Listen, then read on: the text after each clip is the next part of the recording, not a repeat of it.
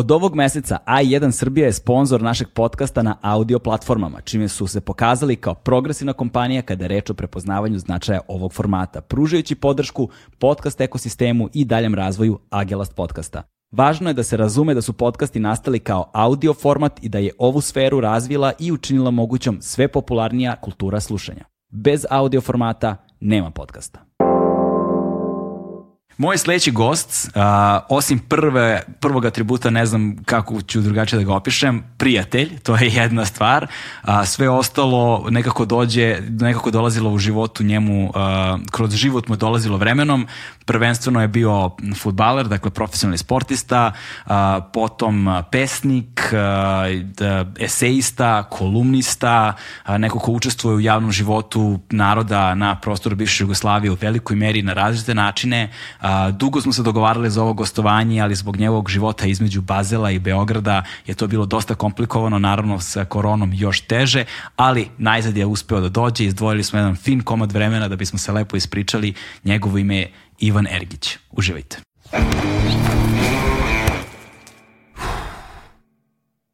Hmm.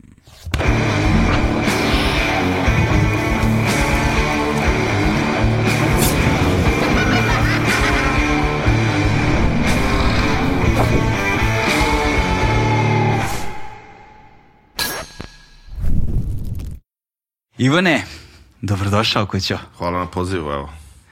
Probudio si me, ovaj, još sam pospan, tako da se nadam da će biti suvisao. Nemoj da brineš ništa, samo polako ćemo da se otkravljujemo, to mi služe ovakvi razgovor, jer nema formata, nema vremenskog ograničenja, ne moraš da budeš ništa što ne želiš da budeš. Ovaj, ali da, za, za one koji slušaju i gledaju, ti si stvari, ono, si više noćna ptica, znaš, zbog, ti ne, ne, ne zaspiš pre 3-4 ujutru. Pa jeste, to mi je neki bio ritam. Ovaj, to, je star, to je strašno smetalo prvo moje majci, ovaj, pa tek onda mm. posle mojim trenerima. Ovaj, tako da se čak znalo desiti da trener pomeri trening za posle podne zbog mene, ovaj, kao neke stvarno. male zvezde. Da, da, da, da, jer sam stvarno bio neupotrebljiv do nekih 12-1, tako da... Ali stvarno, ja sam, čak su me slali kod nekih uh, uh, terapeuta, nekih eh, psihoterapeuta da pokušam da, da promenim to. I oni su mislili da to pitanje discipline, a stvarno nije bilo pitanje discipline. Niti sam ja bio nešto previše umišljen kao je sad, ono, svi moraju da se prilagode meni, nego je stvarno pitanje bioritma i to su mi potvrdili neki ovaj, e, psihoterapeuti. Tako da, eto, kao, mada bilo ono, recimo kad smo na priprema, tu nema, ono, tu ustaješ u šest ujutru, i ovaj, toliko, toliko treniraš da te onda sastavi u 10 uveče da zaspiš, šteo ne hteo, tako da bilo i tih perioda kada sam, kada sam morao da se prilagodim, ali mislim da je to deo nekog mog bioritma.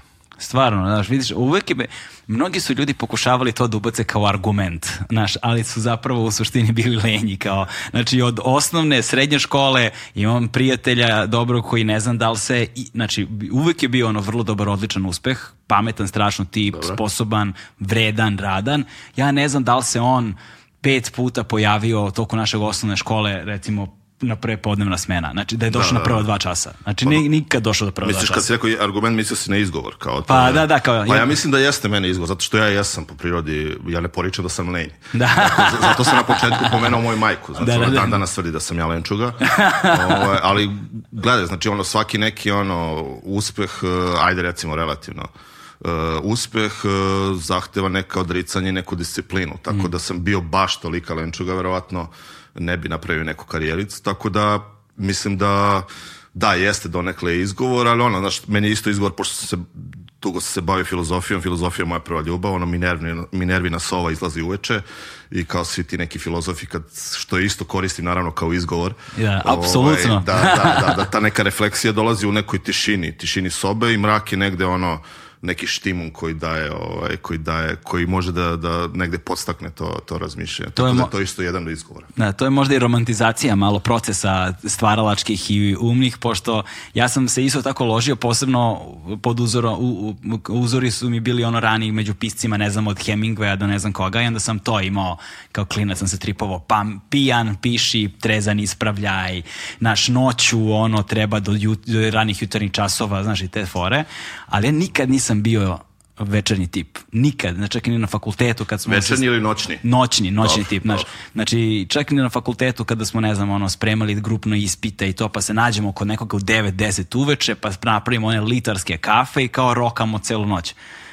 Brate, ja se ugasim, ja ne, nema šanse, ne upijem ništa, ja sam baš jutarnji, ja moram rano ujutru da ustanem, ja sam funkcionalan kao car do jedno jedan, Ali dobro, dva. znači ova priča o bioritmu nije izgleda samo izgovor, znači stvarno ne, postoji nešto. Ne, postoji, koje... postoji nešto, da, znaš, da, ali, da. ali ne mogu da ka, ali opet... Ali, ali ne... apropo ovoga što kažeš stvaralač, romantizacija stvaralaštva, da. ovaj, samo da ti upadnem, ovaj, pošto često sad od kad ja kao nešto piskaram, mm -hmm. ovaj, meni jako ide na nerv to kao da se mora biti samo destruktivan da bi bio A. neki pisac pisac ili umetnik u, u bilo kom smislu i mislim da, se, da je to ono strašno, ta, ta vrsta samodestrukcije koja postane neka vrsta lifestyle a ono i kao mislim da, da ti pisci i umetnici sami sebi mm. ovaj, jednostavno pokušaju dati na značaju na taj način.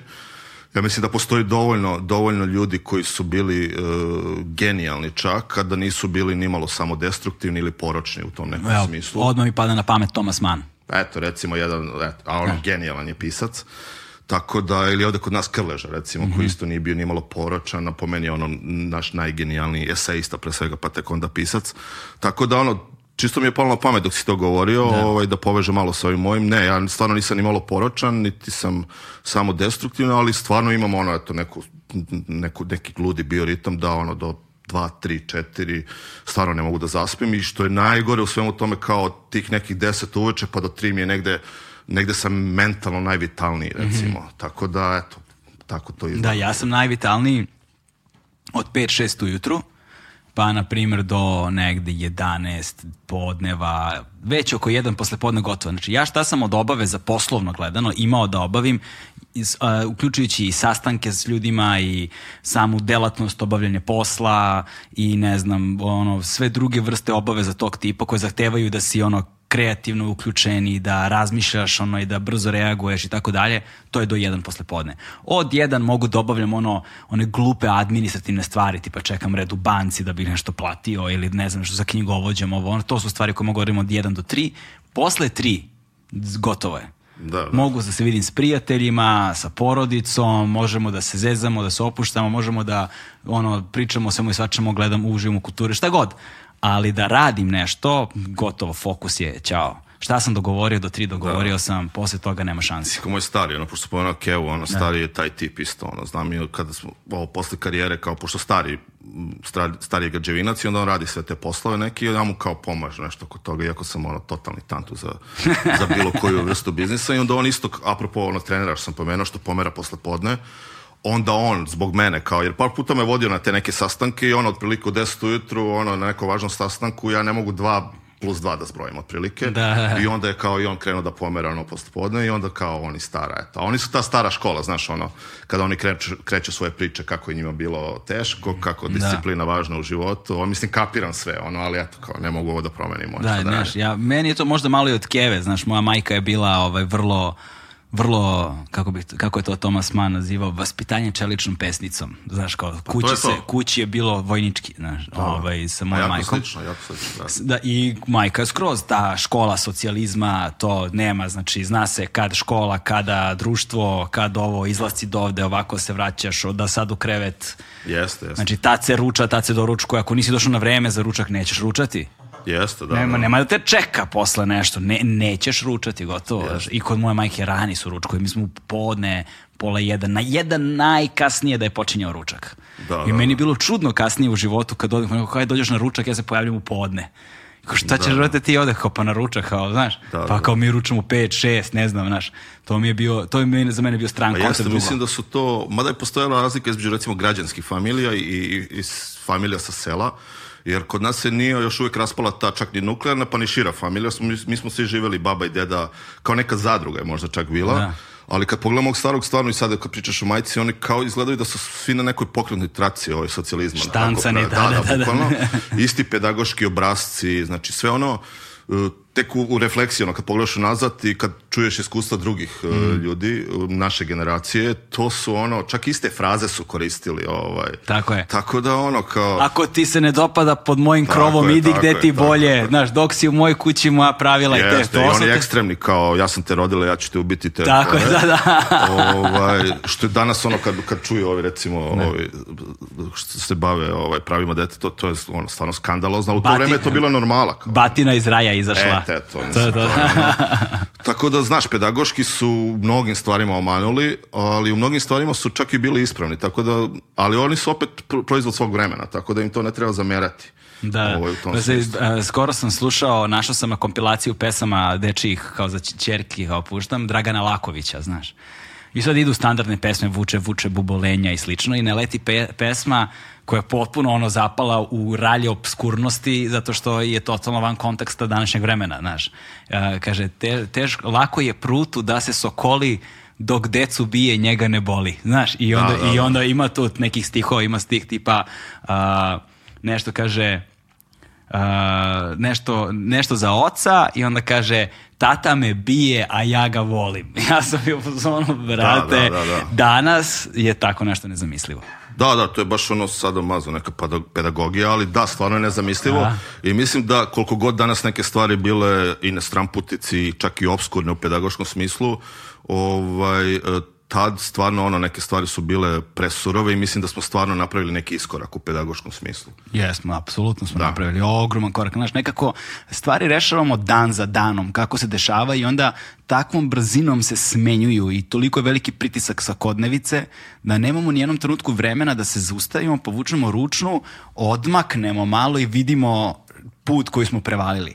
Nego nekako nam sve deluje aktuelno, aktuelno, aktuelno i samo se smo se obreli u vremenu koje je radikalno drugačije od onoga u kojem smo odrastali, a da nismo ni da, stigli da, da shvati, sagledamo koliko je veliki put koji smo prešli, yes. jer smo sve vreme opterećeni putem koji još imamo da pređemo. Jeste, jeste. Pa to je tranzicija mhm. takozvana, mm. ono, znaš, kao to je tranzicija stvari da dešavaju po svojoj dinamici, da, valjda nismo imali vremena za neku refleksiju o svemu tome. Da, da. Ali kad malo zastaneš i pogledaš, kao da, u tom smislu, evo kad pričamo sad o pedagogiji, stvarno je, stvarno je napravljen iskorak, kao što su naši roditelji, ono kad ih uzme malo u zaštitu i kažem, oni su isto proizvod svog vremena, oni su u odnosu na naše babe i dede isto napravili veliki iskorak. Ogroman, ogroman. Jer ja se sećam mog dede, ovaj, ne sećam se da li je znao da udari baku, ali znam da je baka bila ono totalno podređena, znači ona nije ništa da tu, mm. tu govori, da, da, da se nju nešto pita i onda već odnos moje majke i mog oca koji je bio poprilično ravnopravan, moram reći, iako su bili sa sela, Ovo, ali u, u, to vreme, ono, znači ja baš sam, ne znam s kim sam pričao, sam rekao, moja majka koja je čuvala ovce, istovremeno slušala Beatlese. Znaš, ono, to, valjda je to taj bio tra, ta da, da, da. tranzicija da. tada. Kad se dešavaju ti spojevi suprotnosti Tako nekih. Je, i, I moja stara, ono, koja je bila intuitivni feminista, ja kažem, koja je ono, mom starom otprilike, bila je jako ono, drska i, i prga u tom pozitivnom smislu i moj stari koji je bio isto neki ovaj, ženska rašprenje, nije se mnogo ovaj, posle ovaj, usudio da da da, da, da, da, da šrlje sve to, tako da oni su mi u to nekom smislu uzor, u smislu, ovaj, eto, pošto ja nisam ženjen, nisam još, nemam, nemam ni familiju, onda oni, kad vidim njih, oni su mi donekle stvarno uzor u tom nekom smislu, kao da dvoje ljudi mogu da, da izguraju, izguraju neki brak i da vidim se stvarno vole. Ovaj. Tek sam shvatio da se oni tek sad naknadno vole, jer oni su valjda prolazi sve te stvari, eh, te intenzitete u životu, sve im je dolazilo onako uh, citi udarci, onda valjda nisu ni imali vremena jedno za drugo, sve je bio, fokus je bio na deci, na, me, na meni i sestri. I tek sad su se negde ono kao zadnjih deseta godina, ono, baš vidim da se vole, ono, i kao, kao prijatelji, kao osobe koji su prošli sve to zajedno, Tako da mi je mnogo drago i stvarno u tom nekom smislu, ako maknemo stranu svoju pedagogiju koju smo, koju ne. Da. smo pominjali, stvarno su uzorni u tom smislu.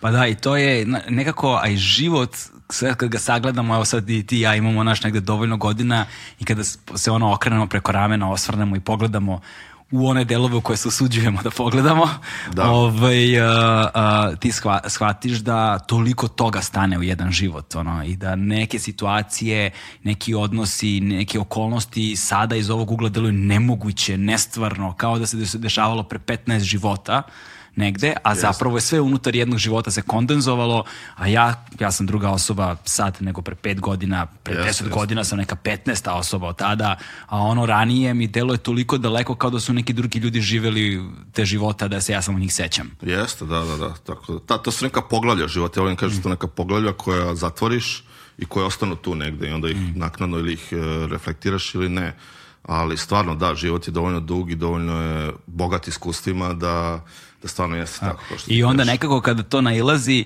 u naletima, ako imaš ono, dovoljno sreće i vrlo verovatno ogromna količina truda i odricanja da bi to partnerstvo opstalo kao partnerstvo, kada ti život nabacuje tako stvari, ti opet to je taj samuraj mod.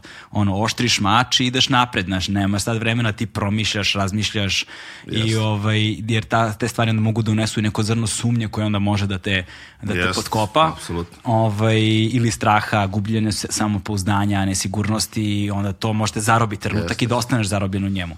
A tvoji roditelji su, i tvoja porodica generalno i ti između ostalog, i pričat ćemo i o tome, znaš, prolazili ste okolnosti koje su vas bacale od nemila do nedraga, mora se snađeš u trenutku, mora da, život mora nastaviti dalje, ne možeš da sad se zustaviš i da, da ono... naričeš i da kukaš. Na, da, na i da procesuiraš to zauvek, Jeste, znaš, da, da. Znači, dolazi vreme u životu kad se to dešava, znaš. Jeste, da. Ovaj, I tu je ono sad, znaš, razmišljam, iako se ti ja znamo sad već dosta dugo, ovaj, kao, opet sam razmišljao, znaš, kao kako ćemo, bismo mogli da vodimo ovaj razgovor i on sam ovih dana nešto gledao tvoje neke intervjue i čitao tvoje intervjue koje mahom negde i znam otprilike. Da. Ovaj, I primetio sam a, jednu pravilnost uh, jednu nepravilnu pravilnost.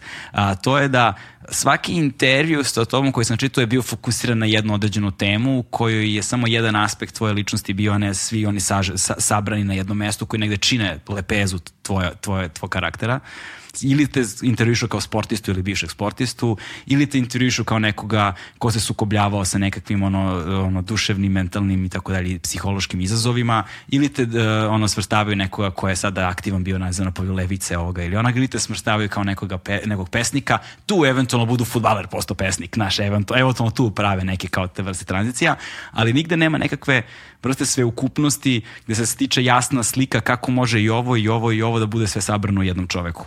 I negde najaviti tebe je malo nezahvalna kategorija i negde se slične kategorije nalazim ja, jer kao, meni za mene najčešće kažu da sam novinar, ali ja nisam novinar. Znaš, niti sam se školovo za novinara, niti sam se bavio tradicionalnim novinarskim poslom na način na koji se novinari time bave, niti sam ikada bio u news redakcijama, u vestima sa dnevnom politikom, nikada nisam bavio i onda ne spadam zaista u tu kategoriju, da. znaš.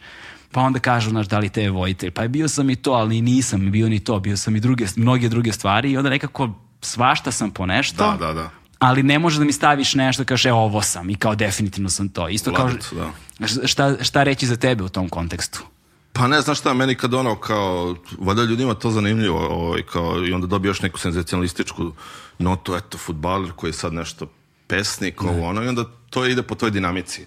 O, ovaj, ali kad me pitaju kako te predstavljam, ja kažem, obično kažem bivši futbaler i to je dosta, ono, da. naš, jer e, šta znam, ono, kad ti da sve neke te epitete i šta si, onda si, onda, onda si pod pritiskom da budeš i pametan na kraju, možda da. kažeš bivši futbaler i to stvarno jesam, ono, tako da... Onda se postavi nisko lestvica. Pa da, onda kao ne moram da budem pametan, ono, kad nešto lupim, kao, okej, okay, znaš, ono, kao, ipak je to futbaler, znaš, ono, kao, apropo izgovora i argumenta. Tako da. da, znaš, ono, kao sad pesnik, kao još kad kažemo i pesnik, Znaš što, pesnik je meni jako teška reč, ovo, jer mislim da mi, mislim, proputao sam ceo svet i što se tiče pesništva i pesničkog talenta i, i, i tog panteona pesnika koje smo imali, mi smo stvarno pesnički narod. I onda to stvarno ima neku kulturnu težinu i onda kad mi kaže neko pesnik, to mi je već malo pretencijozno. Da, ti, ti odmah sebi staviš kategoriju Branka Miljkovića Tako, i kao... i onda moraš, moraš biti malo odgovorni prema tome. Kad vidim ko se danas sve zove pesnik, on stvarno je ono pesnikom, piscem, između Pisci, ostalom. Tako da, da. tako da stvarno to izbegavam i sad šta je pitanje, no kao kad završiš advokaturu, onda si advokat, znaš tačno. Kada završiš e, za doktor, onda si doktora. Kad si pesnik? Da li kad objaviš prvu zbirku? Da, da li kad si već etabliran, priznat od publike, od kritike? Pa, znaš kako, ali kapiraš, i znači... sa advokatima i doktorima nije tako. Ja mislim da ti nisi doktor čim završiš medicinu, nego moraš da odradiš i neku specijalizaciju, neki staž i imaš gomilu toga, prakse moraš pa, da Pa dobro, da recimo kad kreneš da praktikuješ da, medicinu, onda to. si doktor da. službeno. Da. E. Advokat isto tako mora položi prvo pravosudni ispit, Slažem što je se, procedura. Da, da, da. Ali dobro, samo sam povukao paralelu, eto, čisto da jer kao kad si pesnik kao u tom smislu i stvarno mi zvuči pretencijozno kad kažeš pesnik tako da to izbegavam ovaj. ali eto neki ljudi kažu relevantni da imam talenta pa ćemo videti ono kao to mi mm. je od bio hobi ovaj, možemo kasnije malo da to... Pa hoćemo, da hoćemo, naravno, ovaj, da, da samo pomenemo, pri, naravno da, sam da. planirao, da. brate, priručnik za čekanje, ovaj, to je 2019. ali tako? Tako nešto. Ako se ne varam, Ta, Tačno pre pandemije malo je to nešto Mislim, bilo. Znaš šta, ova korona je totalno relativizovala odsećaj za vreme, tako da nemoj da, da mi drži za reč. Mislim da je 2019. Da, da, da. da.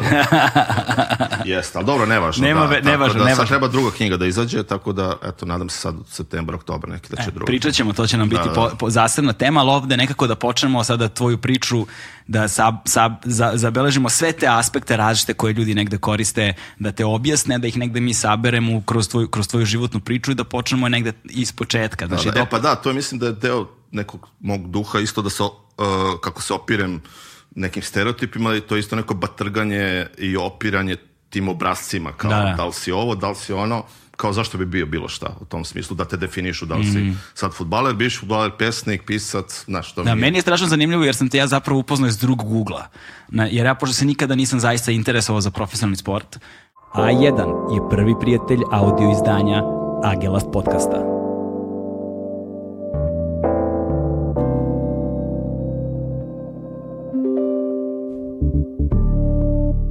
posebno, evo, po, Dobro, da. po, posebno za sportove u kojima postoji neka vrsta lopte, bez obzira da li mala ili velika ili, ob, ili A okrugla. prema lopti, da. Nije verzija prema Ali lopti. Ali to video s nekim psihoterapeutom, nisi?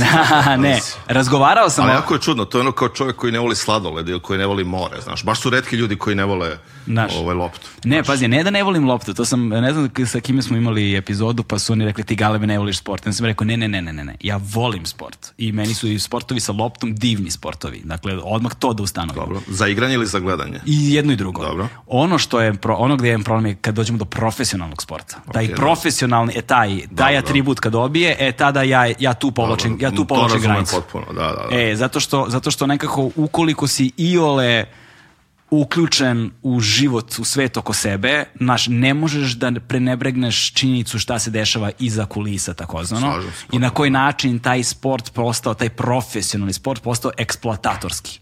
Znaš, na mnogo različitih nivoa i, ovaj, i činjenica da to tako prolazi i prolazi, to generacijski, i da, a ti vidiš to jedno identifikovanje ono, opšteg naroda, posebno ovaj, što je, što je, što je, što je što je, što je siromašnija sredina u kojoj se nalazi, to je veća vrsta fanatizma, znaš, to ćeš slažem vidjeti, znaš. Slažem se, I ovaj... Možemo i o tome, ja sam o tome čak i najviše pisao, ovaj, tako da se potpuno pa, da. I, tu sam, I onda sam ja u jednom trenutku svog života donao svesnu odluku, znači ja sam kao klinac i dugo godina, ono, tipa do ranih 20-ih negde, i pratio ja i futbal i kao bio sa drugarima, išli da navijamo i sve, imam ja istoriju i toga, nije, nisam ja sad kao pao s Marsa, znaš. Dobar. Ali sam stvarno u jednom životu svog, jednom trenutku svog života života nisam više mogao da se pomirim sa onime što se dešava i uvek su razgovori bili jalovi, jer svaki pokušaj da vodim takvu vrstu razgovora se završavao ono ad hominem poklapanjima, ti si bre budala kreten, da, da, da. ne razumeš i znaš, a onda sam ja hejter, ja sam da, da, da. isključiv, da. ja sam ovo, ja sam bio u fazonu,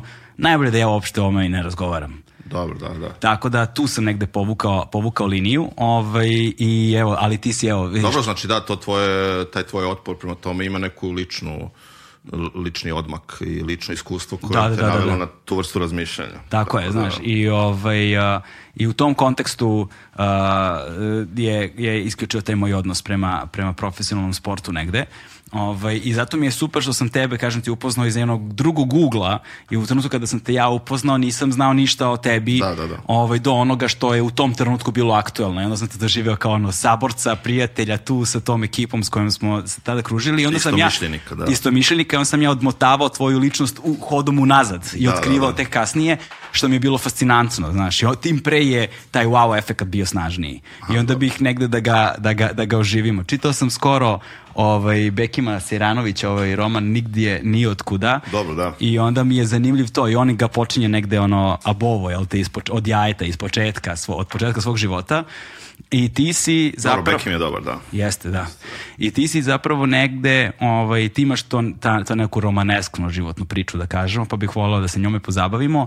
A, ti dolaziš iz jednog sela u blizini Šibenika. Kako se zove? Tako je, Gaćeleze. Gaćeleze. Da, da. Ovaj, kako je izgledalo, sad ono, Karakaševski, kako je izgledalo odrastanje u, u tom, kako, daj mi neku ono, uh, duh vremena, neku sliku mesta gde si odrastao. Pa to je jedno seoce koje je jako idilično u tom nekom smislu tog hinterlanda uh, uh, šibensko, zadarsko, splitskog koje je jako reprezentativno za, za, za taj hinterland, za tu zagoru kako se zove i nije ništa drugačije. Znači, ako pričamo o svom selu, pričamo o svim selima iz, iz tog kraja. I ovaj, čak su ljudi jako slični. Eh, znači, to je nešto o čemu bilo koji pisac koji piše o tom nekom dinarsko-zagorskom eh, kraju vidi dosta, vidi dosta sličnosti i pravilnosti. O, ovaj, tako da, kad kažem idilično, mislim i ne samo u smislu krajolika, geografije, nego mislim i u smislu duha vremena. Ja sam do desete godine živio u tom selu Tako da postoji dalje ta sećanja i dok nije došao rat i sve to. I to je neko vreme ono, kad pričamo o socijalizmu, neke bezbrižnosti, dečije igre, a, znači ceo dan provođenje na, na, na, na ulici, e, znači ono kad su ti dovoljna dva kamena koja staviš i kao, kod nas nisu bile jakne, u gradu su bile jakne kao golovi, kod nas su kamenje bile, pošto ima kamenja za izvoz. I, o, je ta... bile su cigle. U gradu mi su bile cigle, cigle, cigle, Eto, cigle da, da, da, da. I onda kad prođe jedno, ono kao šta sad prolaziš, znaš, kao da, kao da su oni nama došli, a ne ono kao da mi nismo na sred puta stavili o, ovaj, ili traktor, kad dobro, kod nas je više traktora bilo. I, o, ovaj, tako da, znaš, sećam se tih nekih stvarno ono, i onda, i onda dođeš kući kad stara vikne sa nekog balkona, ono, tri kilometra dalje čuješ i onda dođeš samo da jedeš i, i vratiš se nazad da igraš. O, I kada pričam o tome, sad kad me pitaš, u stvari uvodi malo i priču to kako sam zavoleo futbal. Znači, to je nešto što, što je bila ne samo kultura televizije u to vreme, iako je tad već televizija jako, jako inficirala nas klince, ali je više bila ova brazilsko-argentinska ulična priča uh, tog nekog romantičnog futbola i tu sam ja stasavao isto kao, kao neki mali futbolečić i eto, to je, neka, to je, neko, to je neko okruženje. i ne, ne, ne, neka Kako klima, je izgledalo školovanje tamo? Ti si do 10. E, pa škola je, da, imali smo seosku školu, ovaj, to je ono kuriozitet, ono, meni se smeju kad to, tome pričam, pošto ono, obično su priče naših matoraca, išli smo 5 km u školu, a ja sam išao otprilike ono, pet, kroz neke njive, i onda bio to neki putić uh, između pšenice i ono kao mali, kao neka mala trim stazica i tu smo išli u školu i bilo su sva četiri razreda u, u jednoj školi, toliko je đaka bilo i u mom razredu, znači u prvom razredu kad sam išao, bilo je nas troje. I to dvoje iz, iz mog sela i jedno iz susednog sela, ali svi smo bili u istoj učionici. Ove, ovaj, tako da, da, u mom razredu bilo troje ljudi, troje klinaca. Tako da to malo ko oni koji ispriče ove, ovaj, o tim nekim uh, u seoskim školama, ove, ovaj, pada mi na pamet onaj film Idemo dalje, ne znam da li se sećaš sa, sa Batom Stojković i Draganom Nikolić, odmah posle, rat, posle rata, ono mm. klinci neke u školi i ono učitelj ih uči kako da voze biciklu otprilike, znaš. Da. Eto, tako je to izgledalo. Tako da je, da, i u školi se isto igrao futbol, imali smo neki mali teren. Tako da je, eto, i u školi je bio futbol sve prisutan. Znači nije bilo, nisi imao zapravo puno drugara sve zajedno, ono, sa malim brojem ljudi si imao mogućnost da se družiš i komuniciraš. Pa dobro, da, u školi smo bili samo nas dvoje, da, da, nas dvoje iz, iz moje generacije, iz tog sela, ali imao sam drugare, jedno tri, četiri drugara iz sela koji su bili ili mlađi ili stariji od mene, tako da, a mi smo bili svi neka rodbina, ovo, ovaj, zato to malo mesto i onda, da, igrali smo Uh, igrali smo se zajedno i da, imao sam neka 3-4 drugara, sad kao da je, da bio sam u tih godina kada nije bilo ni vremena da neko drugarstvo očvrsne mm. i da to ostane posle kao neko drugarstvo. Nemaš sačuvana prijateljstva iz tog perioda? Pa iz tog perioda nemam, da. da. Baš nemam.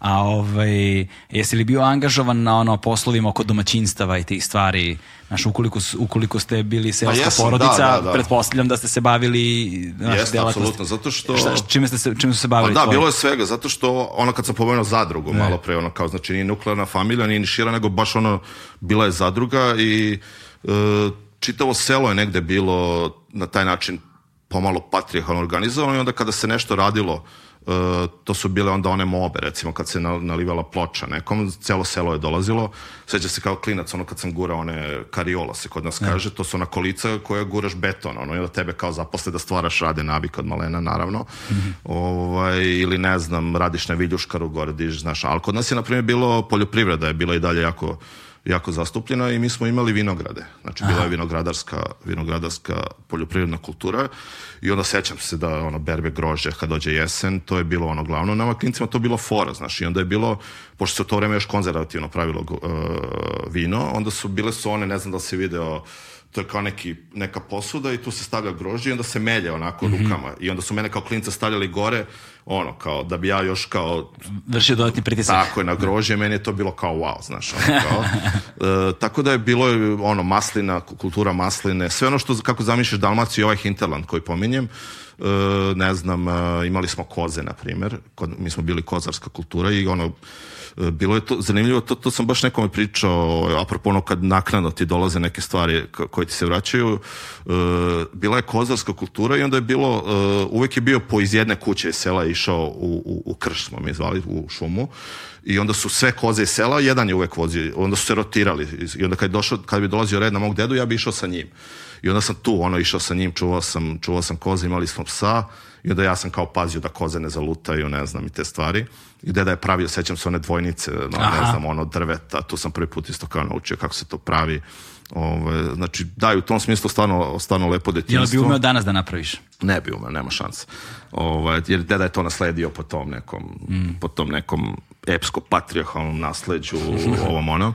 I onda, tako da meni to sve bilo zanimljivo. Šta smo još, na primjer, apropo ovo da se vratim, na primjer, te kasnije kad sam otišao u neke zemlje ovaj, e, e, malo onako e, ekstravagantnije, kad sam video, na primjer, mi smo pravili maslinovo ulje, mi smo pravili sami sir, mi smo svoje vino imali i ja sam to tek naknadno vidio koliko je to delikatesa u stvari, a ja kad sam bio klinac, ja sam se negde stidio toga. Znaš, ono, otišao bi negde grad i ono kao, evo ga, seljače, šta vi, jeli, čuvaš koze, kao, znaš, kao šta jedete sir, onaj, kao što sami pravi, znaš, ono, to je bilo ono kao, malo se stideo, znaš, i tek kad sam otišao negde, ono, te neke zemlje, ovaj, onda sam vidio da je to stvari, ono, stvarno neka ekstravagancija koja, koja toga nema, još organski je sve pravljeno bilo. To da. tek sad dolazi kao neki ono, neka ono, kako to da kažem, eh, kao neki trend koji ono, Znaš, kao samo oni koji imaju novca mogu to sebi da, da priušte, a mi smo sve to imali. Ali znaš kako, tu se zapravo, sada tek sada se okreću stvari, posljednjih recimo deseta godina postoji snažan globalni trend toga,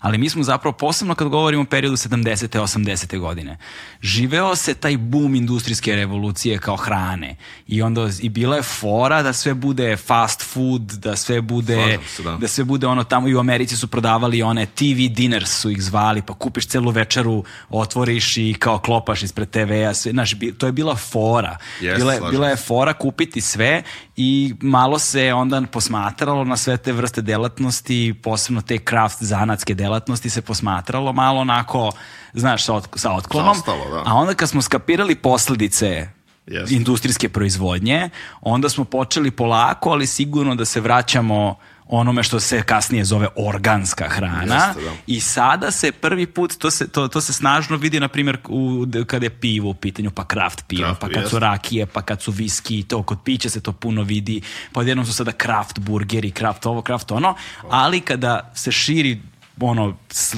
posmatraš sliku šire, vidiš da su sada ponovo strahovito na ceni ljudi koji koji su dobre zanatlije. Bez obzira na to čime se bave. Sada šta god da se kupi, ili je organsko sa farme, ili je ono free range kako zovu, ili je ne znam ručni rad, ili je sad je yes. sve fora da bude to autentično, jedinstveno, yes, da je neko uložio vreme, trudi pažnju sa svojih deset prstiju napravio. Se, da. Znaš, sada ne, se da, da, vraća da, to. ovaj... Tako da sada u ovom kontekstu tvoje detinstvo je ovaj, ono, ekskluzivno na neki Jest, način. apsolutno, da. Znaš, da ali u kontekstu tog vremena je drugačija slika. Ne, ovo što da si pomenuo, ovo je ta dromologija, ubrzanje. Mislim da u, u taj fast food, ono, sve fast, ono, fast food, fast sex, ono, svi smo upali u to, ali zato što je to neka funkcionalistička logika. Mm. Ona prati dinamiku reprodukcije samog života mm. i onda naravno da u tom smislu, jer smo svi ubrzani, svi moramo da budemo brzi, i onda naravno i hrana postala na taj način, što ti kažeš, industrijska hrana isto bila ovo, ovaj, do, doživjela ubrzanje. Znači samo da, ono, znači to nije više kultura hrane da sedneš, da to bude kulturni, ono, da bude stvarno kultura, nego ono, samo da se nešto stavi i da se ide dalje, naravno. što pre, tako da, naravno da treba se onda sve gledati u kontekstu vremena. Ovaj. I sad kad si pomenuo ovo kao ručni, ručni rad i to, ovaj, baš sam u jednom tekstu napisao koliko je u stvari, na primjer ja koji sam trčao za loptom i moja baka koja je bila, koja je znala sve da isplete i štrika, da, da izveze goblen, koliko je ona u stvari bila kreativnija ovaj, stvaralački od mene samog, a koliko je moj ovaj posao bio mnogo više vrednovan nego njen tadašnji. Tako je. Da. I onda vidiš u tome, ili da primjer, pre neki dan sam pomenuo nekom Jamie Olivera. Znaš, tek kad je došao Jamie Oliver ekipa, onda smo videli koliko je kulinarstvo u stvari kultura. Da. Znači, treba nam je neko takav da bi shvatili ono kao, evo te, moja keva i, i, i, i, i, ovaj, i, i baka su bile ono Jamie Oliver pre Jamie Olivera, samo mi to idioti patrijarha nismo znali da cenimo. Da. I stvarno mi je krivo zbog toga, znaš, zato što E, kulinarstvo i ta vrsta onog gastronomija, to stvarno jeste e, umetnost i da, kultura. Da, Treba, bio nam je potreban jedan Anthony Bourdain da ode kod neke babe u Palermo ili u Napoli, ovaj, da kaže e, ništa nego ka, pa u kutlačom proba malo razumeš iz lonca dok se sprema, to to, da. ništa da. nego kad ono naprave kod kuće, to je ono to je Michelin star hrana i da, onda da, smo da. bili u fazonu, evo te, znači, treba nam, uvek nam treba neko sa strane pa, da nam kaže koliko smo dobri. Ono. To je to, a ono što se povuku paralelu između mm. toga, tek kad sam otišao u svet, onda sam video ono, sir iz ulja koje moja baka pravila je ono, delikatesa, razumiješ, da, ili košta, maslinovo ulje. I košta ili... košta boga oca. E, pa to.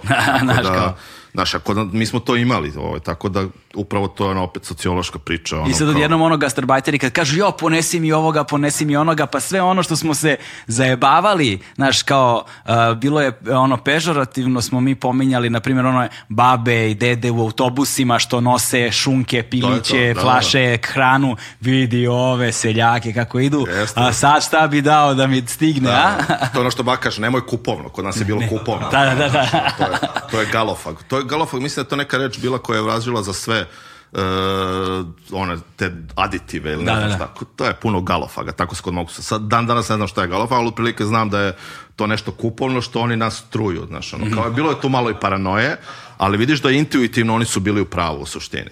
Da, jeste, apsolutno tačno. Ovaj, ja, i taj idilično odrastanje i ti idilični ovaj, životni obrazci koje negde svi imamo na neki način, do duše ja sam ono gradsko dete, nažalost. Ovaj, Misliš da je to hendikep?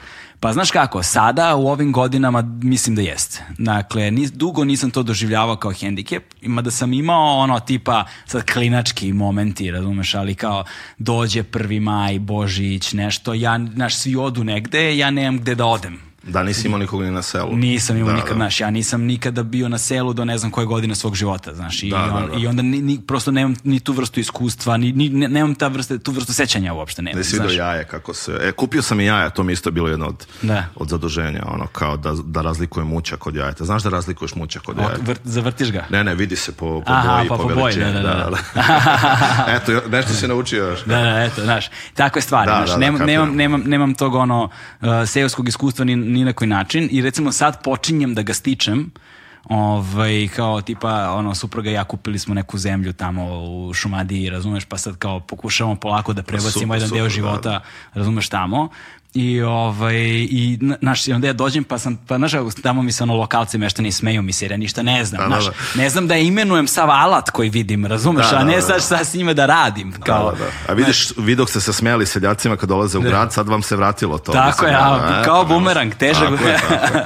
težak, bumer, težak bumerang, ali bez obzira na te razlike, ono, selo i grad koje su bile evidentne, jel to, to vreme, Ovaj, opet su brojni obrazci, barem novim prostorima, tom, tim socijalističkim ovaj, bili isti što se tiče ono, pedago, pedagogije, što se tiče vaspitanja, učenja. To smo složili. To, da. Tu smo imali ono, i što se da. tiče gomile nekih brendova, jer ih nije bilo puno zapravo i bili su jedinstveni za sve. Svi smo nosili iste majice, iste jeste, šorceve, jeste. i naš iste igračke Slažem i to. Se, e. Pa ne, zato što je ta komunikacija bila dosta vitalna između sela i grada. Znaš, svi su na gradu imali nekog na selu i obratno. Mm i mislim da je ta komunikacija jako dobro funkcionisala. Ja znam ovi recimo u mom selu dolazili su e, znači sve ove recimo cure koje su se poudavale, one su negde bile iz gradova i onda su ta njihova deca ili iz Zagreba, iz Beograda čak, oni su nama dolazili u, da. u selo i tako da je ta razmena bila i mi smo išli u gradove kod njih, tako da je ta razmena bila, bila dosta vitalna i dosta važna u tom smislu. Mm. Tako da smo učili jedni od drugih.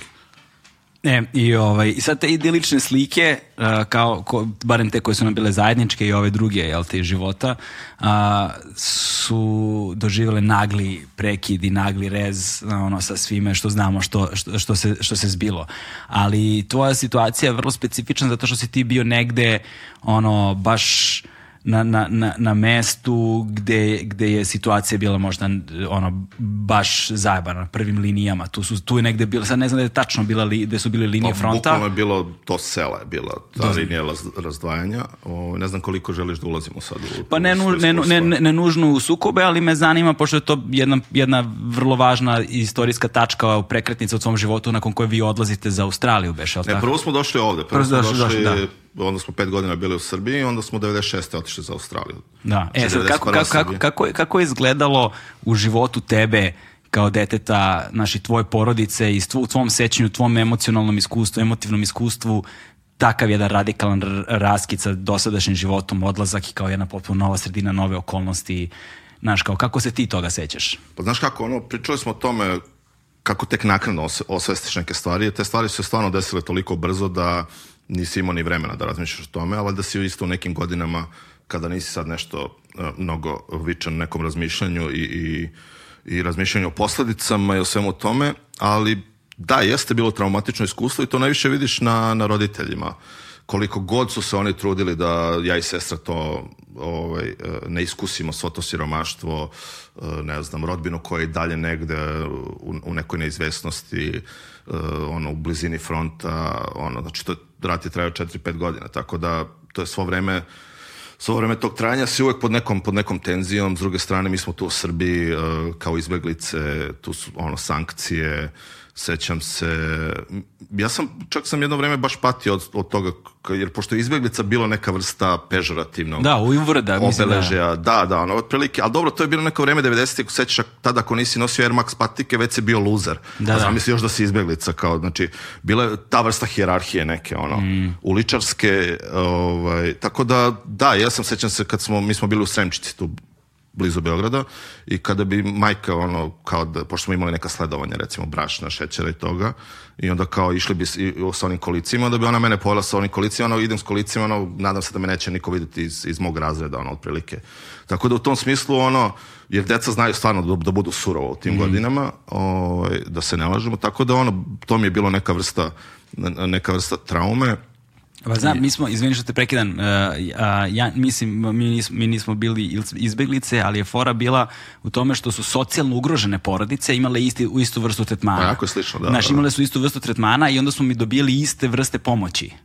Znači ono su krst. crveni krst, da, da, da, da. onaj Umprofor, šta je već bilo, UNHCR, UNHCR tako je, bili su oni paketi, pa otvoriš pa bude onaj, onaj kako se zove, uh, mesni narezak, jeste, jeste. pa bile su one sveske od recikliranog papira, tako one je, zelene, tako, tako, bile su one šarene pernice, one šarene jakne koje su bile kao nešto skrpljene jeste, tako. i to su bili simboli po kojima si prepoznavao... Tako je, obeležen si. Obeležen si, znači ti obučeš jaknu i te jakne imaju samo jeste, izbeglice. Jeste. Znaš, i kažem deca iz tih socijalno ugroženih porodica, ja sam bio iz te so, socijalno ugrožene porodice, pa su mi živjeli od tih istih paketa pomoći i onda sam zapravo bio negde u istoj kategoriji, jeste, znaš. Jeste, jeste, tako da... I tačno znam kako je ovo osjećanje, znaš, hladno ti je, obućić ćeš nešto drugo, ali nećeš da obučeš jeste, ovu jaknu, znaš. Zato što si u, to, u tom dobu si stvarno dete koje je ono pun kompleksa, razumeš? I onda naravno da to ono... Strašno ti je važno da pripadaš. Tako je, tako je. da, da, taj osjećaj pripadnosti je, mislim, ključan. Ovaj, tako da da, ono, videlo se na odeći, to je bila neka naša Davidova zvezda u to vreme i onda stvarno si gledao da, znaš, ono, da, da stvarno ne budeš upadljiv eh, eh po, to, po toj, ovaj, po tom kriterijumu i onda, iako kažem, imao sam recimo u, u toj školi sa stvarno mi super drugara i ljudi koji su me i prihvatili, ali opet negde ono, valjda se vuče to neka nelagoda, ono, ko, mm. kao neki stvarno si luzar ono, a kažem, u to vreme si bio luzar ako nisi imao Air Max patike i ako nisi letao u nekom, ne znam, sutomoru, tad su bila ta popularna, ono, kao, mora si da budeš ono, ovaj, i, i, u tom uzrastu neki žestoki momak, neki bajo, ono, tako da je to, sećam se tog vremena i to mi je bilo možda čak, stvaralo mi je veće probleme i nelagodu nego čitavo iskustvo ovog rata, bežanje i svega toga jer to su to neka klinačka iskustva što ti kažeš, ono, ovaj, i ono kao ideš, ne znam, nosiš iz Crvenog krsta i ovo kad si pričao, sad kad spomenuo Crveni krst, pošto sad delimično živim u Švajcarskoj, tamo je Crveni krst i baš imam u mojoj ulici ovo, ovaj, jednu filijalu ovaj, Crvenog, krst, e, e, Crvenog krsta i onda uvek se setim onoga kako sam dobio iskar i onda uvek dođu one uplatnice, ne znam da znaš tamo isto ima i uvek ono, svaki put stavim, makar mali, ono, to mi više simbolički, ono, kao pet ne. franaka, pet franaka i kao, ajde, kao da ja nešto dam, kao nazad Crvenom krstu, ovaj, Ovaj, tako da, ali eto, kao to je tako vreme bilo tada i to smo isto, isto prevazišli, ali da, svo vreme smo bili u nekom, stalno smo bili u, u, u nekim problemima, pre svega egzistencijalnim i koliko god se majke i otac trudili da, da i sestra to ne osetimo, svašta su radili u to vreme, stvarno, stari je radio na građevini, stara je radila u nekoj pežonici kafe, pa su čak i te konzerve koje pominješ preprodavala je da bi ono kao, mm. ne možemo sve to da pojedemo, ajde da dobijemo neki dinar da možemo nešto drugo da kupimo. Tako da dosta love su uzimalo tih sekundarnih sirovina, od tih stvari, znači karton, staklo, metal, to je sve moglo da se, da, da, da, da se, da, da se, da se proda. Da. Tako da su snalazili, mislim ja sam ponosan na njih što su, stvarno nisu ono, zastranili u, u, u, nešto drugo, nego su stvarno ono gledali pošteno da dođu do nekog dinara, ali svo vreme, kažem, bili smo stvarno na rubu egzistencije i otac je rovario, kopao bilo gde da odemo i eto mm. desila se ta Australija, dobili smo i iseljeničku vizu, to je bilo 96. i znači te godine, recimo 91. do 96. kad je verovatno najteže vreme bilo ovde, smo bili tu u Srbiji. Da. I odlazak u Australiju. Ti, vi u Pertu ste bili, gde? E, prvo smo bili u tom jednom opet malom seocetu koji je 800-900 km severno od Perta, to je njihov buš, opet Hinterland, mm -hmm. to je neka njihova zagora, o, jer su nam rođaci tamo živeli i Aha. oni su bili ti koji su garantovali, znači nije bila samo iseljenička viza, nego su imali rodbinu koji su, koji su, jer tad je već bilo dosta rigorozno ko može da ode, u početku je bilo moglo se u Kanadu, ne znam, u Ameriku, u Švajcarsku, ali tad je već bila Australija kao i obećana zemlja, ali je bilo dosta rigorozno, pa smo imali rodbinu i onda smo e, prvi godinu i po smo živjeli kod rodbine koja je imala plantaže. Ove, ovaj, plantaže čilija, banana, svega toga. Znači ono kopet koji iz romana nekog. Mm. Tako da je meni to bio, a meni je bio kulturni šok u smislu jer tamo nije bilo futbala, znaš. A ja sam ovdje već trenirao futbal i meni je futbal bio ono naravno bio sam, bio sam fanatičan u tome i kako da ćemo Australiju, ono, koliko god je bilo ovde teško, nemoj Australiju, ono, znaš, kao tamo je ono futbol svoj soccer, da. on peti, šesti sport otprilike. Još kad smo došli u to selo, ne da nema futbol, nego tamo igrao na neki nesretni kriket, ono, i one, znaš, i ono, kad sam došao u školu, ovde sam bio najbolji u, u, u fizičkom, a tamo sam odjedno bio najgori, znaš, ono, kao da. Australian futbol, kriket, e, šta je još bilo, košarka i ono soccer na nekom petom, šestom mestu. A šta je Australian futbol? Pa Australian futbol to je neka njihova varijacija ovog uh, rugby futbala, recimo, znaš. Tako da, a isto je ona jajasta lopta, da. tako da to je neka njihova varijacija na koju su oni jako ponosni i to ima neki ono simbolički nacionalni karakter i to, to je prvi sport njihov, recimo. Iako sam ja to isto jako brzo naučio, jer kao kad imaš talenta za sportove sa loptom koje ti ne voliš, da. o, ovaj, onda možeš valjda da igraš uh, svaki sport. Čak i taj kriket sam no, ovaj, jako brzo naučio Jer mislim da važi ona teza, ako si dobar u jednom sportu, onda možeš, onda si i u više sportova dobar.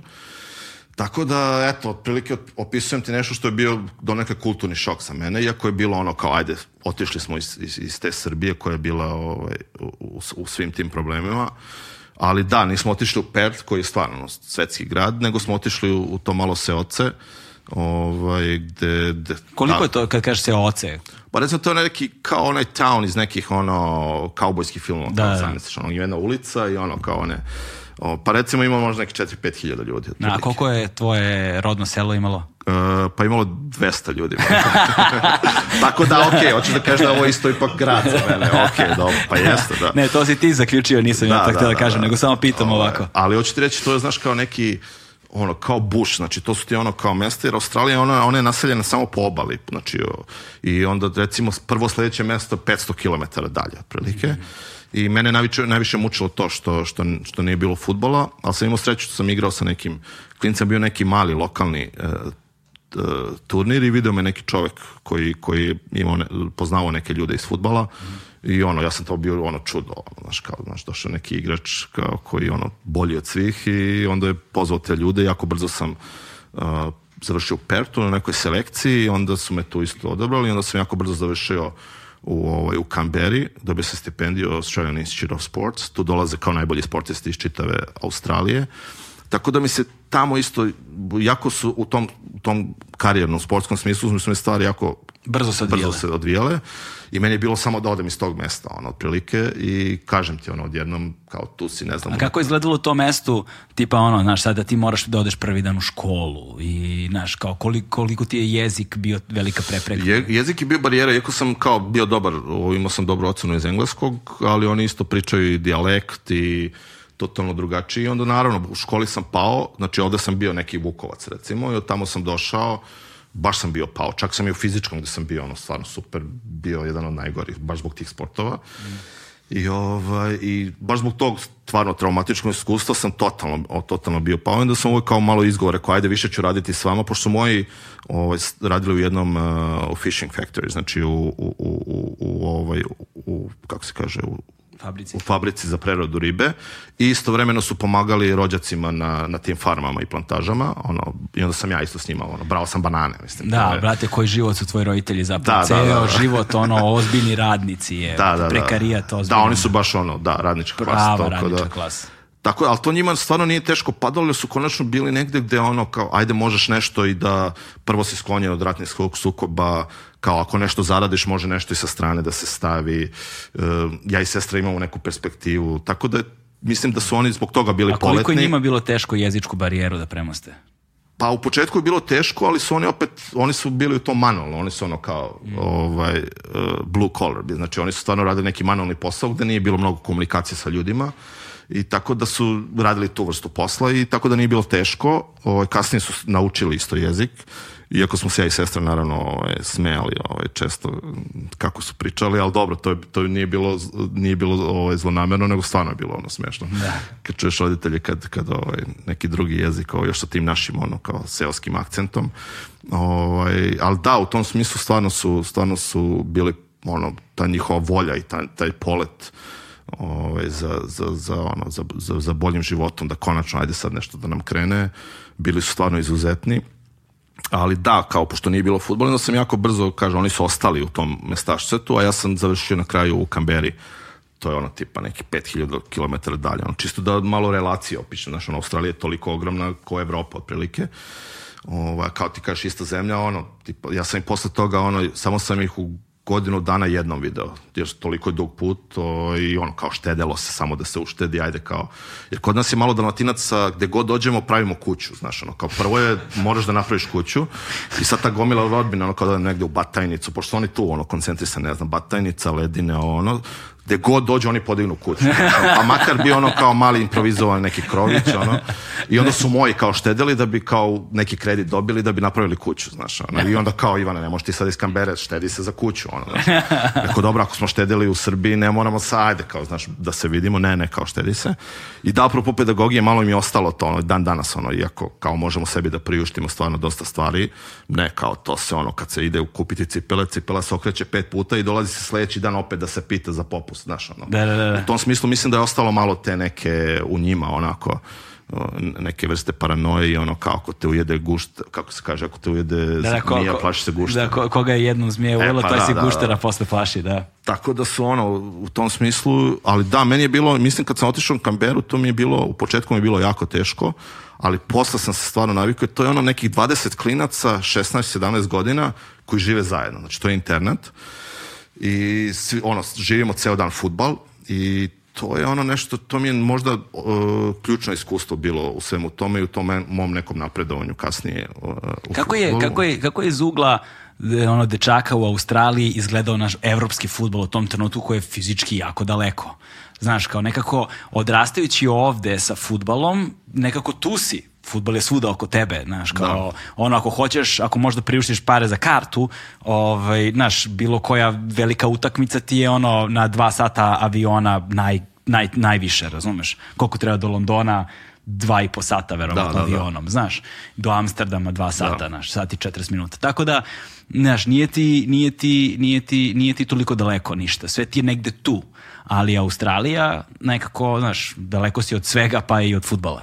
Jeste, zato oni imaju e, ja sam stvari video u tom smislu znanja, u smislu poznavanja futbola, oni su stvarno zaostajali, iako sam imao i ok trenere, ali ja sam sam dolazeći tamo doneo neku vrstu futbolske kulture odavde, znaš, tako da su oni mene isto posmatrali malo drugačije, a u, tom, u to vreme sam u toj generaciji čak stvarno sam odskakao i onda mhm. su oni stvarno su negde i učili od mene i čak i treneri su učili Kako si tad imao godina? 16 e, sam godina imao, 16-17 O, ovaj, tako da ali to je taj Australian Institute of Sports eh, on, stvarno ono imaju mislim da je to jedinstvena ustanova u, u svetu uh, zato što stvarno ne postoji nigde ta vrsta ustanovi internata gde su na, sportisti iz čitave države uh, su skoncentrisani na jednom mestu imaju ono bespreknu infra, infrastrukturu za sve sportove tako da meni to bilo potpuno novo iskustvo i on se uvijek razmišljao kao kao da imamo ono naš talenat, a njihova infrastruktura to bi bilo ono fenomenalno, mm. ali mi imamo ono što oni nemaju i, i mi nemamo tu, tu vrstu infrastrukture. I ovo, ali da, ono nevjerojatno iskustvo u tom, u, jer mi smo imali kao koliko god je bio rigorozan program, znači to je sve isprogramirano, ono ustajanje, apropo ustajanja, u 6, 7, teretana se odradi, onda se ide u školu, imali smo obavezu škole. Oni imaju to jako dobro organizovano, znači ta neka vrsta socijalne amortizacije, jer kao nećemo svi biti futbaleri, ajde da Znači, ipak škola je bila jako važna. Onda smo imali taj shuttle bus, škola je bila jako blizu. I onda između časova, pošto kad imaš onaj recess između časova, onda su nas dovozili nazad, imaš individualni trening e, sa trenerima i onda kad se završi škola imamo svi zajednički trening posle škole, posle škole se ide na večeru, a posle večera imamo study hall, znači mora, mora si da učiš do nekih 10 uveče i onda je gašenje svetla, malo ko u vojci u suštini, e, tako da to, a, istovremeno su imali smo recimo dopuste neke ovaj, posle, posle subote, posle utakmice bi nas pustili u grad. Tako da sam tu doživljavao već neka ono prva, prve ljubavi, ne znam, prvi A to sam teo da te pitam, znaš, kao ipak si klinac od negde 16-17 godina, da, da, da. kojeg rokaju hormoni, ono, na sve strane. Jeste, da. Pritom si u full treningu, u full ishrani, dakle, nisi neko ko sada, ono, gubi dah i nema, on, i prestalno, konstantno premoren i ne znam ti nema šta lošim nutricionizmom ili šta god. Jeste, da. znači, da. o tebi se vodilo računa, bio si u naponu snage, bio si ono tinejdžer i kao živiš vojnički, gde su bre ventili? Pa bilo je ventila, da, da, i, i tu me sad ono, kad, kad, mi, kad pričaš ono, toliko imam uspomena i toliko neki, pa kažem ti, ono, kad doživiš prvi, prvi poljubac, prvi, ne znam, ajde, ako ne znam, smijem da kažem, prvo pijanstvo, ono, neko, pa prvi put sam probao alkohol sa 17, kao i to, ono, dve kapi, već sam bio, ono, oduzet i, ono, kao prvi misle, ja, da me vide moji sad, znaš, ono, valjda ti ostane ta mm. neka vrsta, ono, kao... To je to socijalističko vaspitanje, vrate, da, znaš. Da, da, kao, otprilike, šta god uradim, ono, tu mi je keva negde, ono, kao neki, ono, đavo koji, ono, kao šta radiš to, otprilike. Mm. Dok su oni bili ti moji drugari australijanci, jako liberalni već u to vreme, o, oni drugačije odrastaju. Se osjećala ta razlika Jeste, da, među da, vama? Da, oni su, znaš šta, oni su bili klinci iz tih gradova, znači oni su bili ono iz Melbourne, iz Sidneja, iz Brisbane, iz tih gradova i oni su već, kažem ti, ono, stasali u nekim, u nekim okruženjima gdje su te stvari bile jako normalne, znači meni su neke stvari delovale onako čak i previše bizarno i perverzno i neočekivano. Kao i, na primjer? pa ne znam, ono, na primjer, kod njih je, recimo, kad izađeš, kao, imali smo tu jednu diskoteku gde smo mi mogli kao da izlazimo, e, a imali smo svi fake ID, znači, ono, to je bilo vreme kada si mogao da nabaviš uh, ovaj, lažnu ličnu lažnu kartu, ličnu kartu i srećem samo smo se svi slikali, ono kao da izgledamo starije, pa da ono napišete neko ime. A čekaj, a, koji je uzrast za... za 18, 18, 18 da, da, nije 21 ko u da. Americi, nego baš 18. I onda bio taj neki liquid lounge, se zvao, sećam se, to je bilo ono, tu smo svi izlazili, tu su nas pustali, iako su znali da smo svi ono underage, ali kao idemo tamo. I tamo je bilo ono, znaš, kao, ne znam, plešeš recimo sa nekom, sa nekom ribom i kao najnormalnije da se ti ono ljubiš sa njom i kao 15 minuta kasnije plešeš nekom drugom i opet se s njom ljubiš ono znaš kao i znaš ono meni je to bilo ono kao iako nisam stvarno ni, ni, ni, iz neke ono nisam puritanac nisam ono moralista nisam ali bilo mi ono kao ja se još ništa ne poljubio sad treba tu sa nekom da se, da se žvalim na podijumu ovo znaš ono u tom smislu ono delovalo mi neke stvari su mi delovale malo, malo, malo perverzno u tom nekom smislu i onda O, ovaj, nisam, nebo, nisam ja nikad zastranio, ja sam tu ono, malo, malo konzervativan, ali da, ono, to su ta neka prva iskustva koja su, koja su mi negdje ostala u sećanju i baš sam pre, pre neko vreme ono, pominjao sa, to su neki svi drugari koji su dosta njih je kasnije igralo za australijski nacionalni tim, znaš, a ja sam se, ja sam trebao da igram za Australiju ali ja sam se eto odlučio tad za Jugoslaviju, još uvek Srbija, Crna Gora, posle Srbija i ovaj, ono bizano, bizano stvar 2010. pošto i ne pratiš futbol, igrala je Australija protiv Srbije na, ne znam da li se vi sećate onci, znači ja sam imao više drugara u, u tima Australije nego što sam imao u tima. Baš sam gledao onako spisak i imao sam više drugara u tima Australije nego i onda gledaš ono taj spisak tu utakmicu onda se setiš ono mislim ti ga znaš iz iskustva sa ono dance flora u Kamberi, da. razumeš, a ovo gledaš ga kako igra protiv Srbije, znaš. Ja da sam pošto ja igrao te kvalifikacije, ali na kraju nisam otišao na svetsko prvenstvo, ja bih igrao protiv njih, znaš, da. što je što je stvarno opet jedna od tih životnih stvari koje a kak, kakav ti emocionalni trigger to izaziva ono kad ih vidiš ili kad gledaš tekmu? Gde si bio kad si gledao tu tekmu? E, mislim da sam bio ovde. Da. Bio sam ovde i to je ono što, sam, što ja često pominjem. Znači, ti uh, samo u sportu, pogotovo nacionalni tim, i u, i u ratu moraš da biraš stranu. Kapiraš? I to je ono gde vidiš da sport u stvari deli. On, on ne ujedinjuje kad pričamo o, o nacionalnom, nacionalnom timu i o, i profesionalnom sportu. sportu da. Tako je. Uh, znači ja sam morao da odaberem znači, znači ja bi najradije ja, znači, jer ipak je Australija neka zemlja koja me primila taj Australian Issue Sport je dao mi stipendiju. Ja sam se opet, ono, to mi je jedino negde možda, neću da kažem kajanje, znači ja bi se i dan danas opet odlučio da igram, da igram za Srbiju, ali ostaje neka vrsta gočine, jer ja bi ono, stvarno bi, kad bi mogao i jednu i drugu zemlju da da da Vola, da vola bi da si mogao i njima da uzvratiš. Tako je, tako je. Iako sam ja, taj moj klub Pet Glory kad me prodao, oni su isto dobili dosta novca, ja sam, deo novca, pošto je bila obaveza igrač kad se prodaju stranstvo, da ta stipendija koju sam ja dobio, da deo, da ta stipendija se vrati mm -hmm. institutu za sport. Tako da kad su me napadali recimo australijski novinari kao eto, nije bilo, nije oko kod nas frontalno izdajnik si odmah ovo, ono, ali ono indirektno ti daju do znanja. I onda sam ja rekao, pa čekajte, ono, ljudi, pak ste, znači, vi zaradili od mog transfera, uh, ja sam proveo godinu dana tamo, na primjer, moji treneri ovde, kad sam ovde trenirao, koji su me trenirali 4-5 godina, nisu dobili ništa od toga, razumeš? Tako da sam ja imao isto argumente kako da ne. Da. malo ublažim tu vrstu izdaje, uslovno rečeno. Ali eto, vidi, što je opet jedna od tih nekih životnih stvari koje, koje, koje, ono, koje ti se tako poslože da, da, da bude stvarno priča, ono, mm. priča za roman, ali kažem ti, prelepo iskustvo to iz Kambere, koliko god bilo na početku traumatično. I ovaj dan danas sam u kontaktu sa tim nekim drugarima iz, iz Melbourne i Sidneja. Da li obilaziš, da li odlaziš tamo? Pa jako redko, moji dalje žive tamo. O, to je toliko daleko da stvarno ono, baš sam ono bachelor traveler, znači ono, ne volim da putujem toliko daleko, ali moji dolaze. Mm -hmm. Ali evo sad već 3-4 godine se nismo videli, tako da planiram kraj godine, ako bude sve okay, iako oni sa koronom mm -hmm. imaju baš ono surove, ovaj, surove mere. Uh, mislim, mora se hotel, iako imaš državljanstvo, ja. ne znam, neke dve nedelje, on, čim se pojavi Karantina. jedan slučaj, oni zatvaraju zemlju. Tako da ono, ne znam, vidjet ću sad, treba bi, treba bi. Da Ali u svakom slučaju Australija mi je ostala, iako sam tamo živao samo četiri godine uh, u, u, jako, u jako lepom sećanju i stvarno mi je malo krivo što, što, što nisam igrao, igrao za tu zemlju. Mm, e sada, u kom trenutku e, se dešava tvoja prva, tvoj, tvoj prvi veliki transfer i kao prvi korak ono nečega što sasvim jasno sad postaje profesionalna karijera? Pa, moj prvi ugovor je bio za Perth Glory, znači to je kad sam mi pitao za Perth, onda sam se posle Kambere sam došao u Perth, znači Perth Glory je tad bio možda najbolji klub u Australiji, imao sam sreću da je baš u Perthu u Western Australia gde su moji, I onda sam dobio prvi ugovor i mislim da oni nisu, iako su oni gledali uh, moje neke utakmice, uh, pošto smo igrali omladinsku ligu sa, sa, sa, sa tim institutom, ovaj, uh, imali smo svoj tim i klub i onda su, ali nisu, mislim da nisu znali uh, kakav sam igrač i onda sam odigrao neke prvi 3-4 utakmice, i onda sam bio kao neko otkrovenje, jer sam stvarno super odigrao taj pr, tu prvu polusezonu. Pardon. I onda sam jako brzo, tad je već taj skauterski sistem bio dosta razvijen, to se jako brzo čuje. Ne znam, dosta, na primjer, e, Italijana živi recimo i u Pertu, čitaju Australiju, onda su ovaj, neko je dojavio, na primjer, Juventusu da tu postoji neki klinac koji dobro igra i onda su kontaktirali preko nekih menadžera i ovaj, meni je bilo to neverovatno. No, sad kao iz nekog Pert Gloria, iako sam stvarno dobro igrao, bio sam proglašen za najboljeg igrača u Australiji tada i sve to, ali kao Juventus to mi je bilo ono nepojmljivo, ako je bilo nekih drugih klubova dosta dobri koji su, koji su izrazili interesovanje.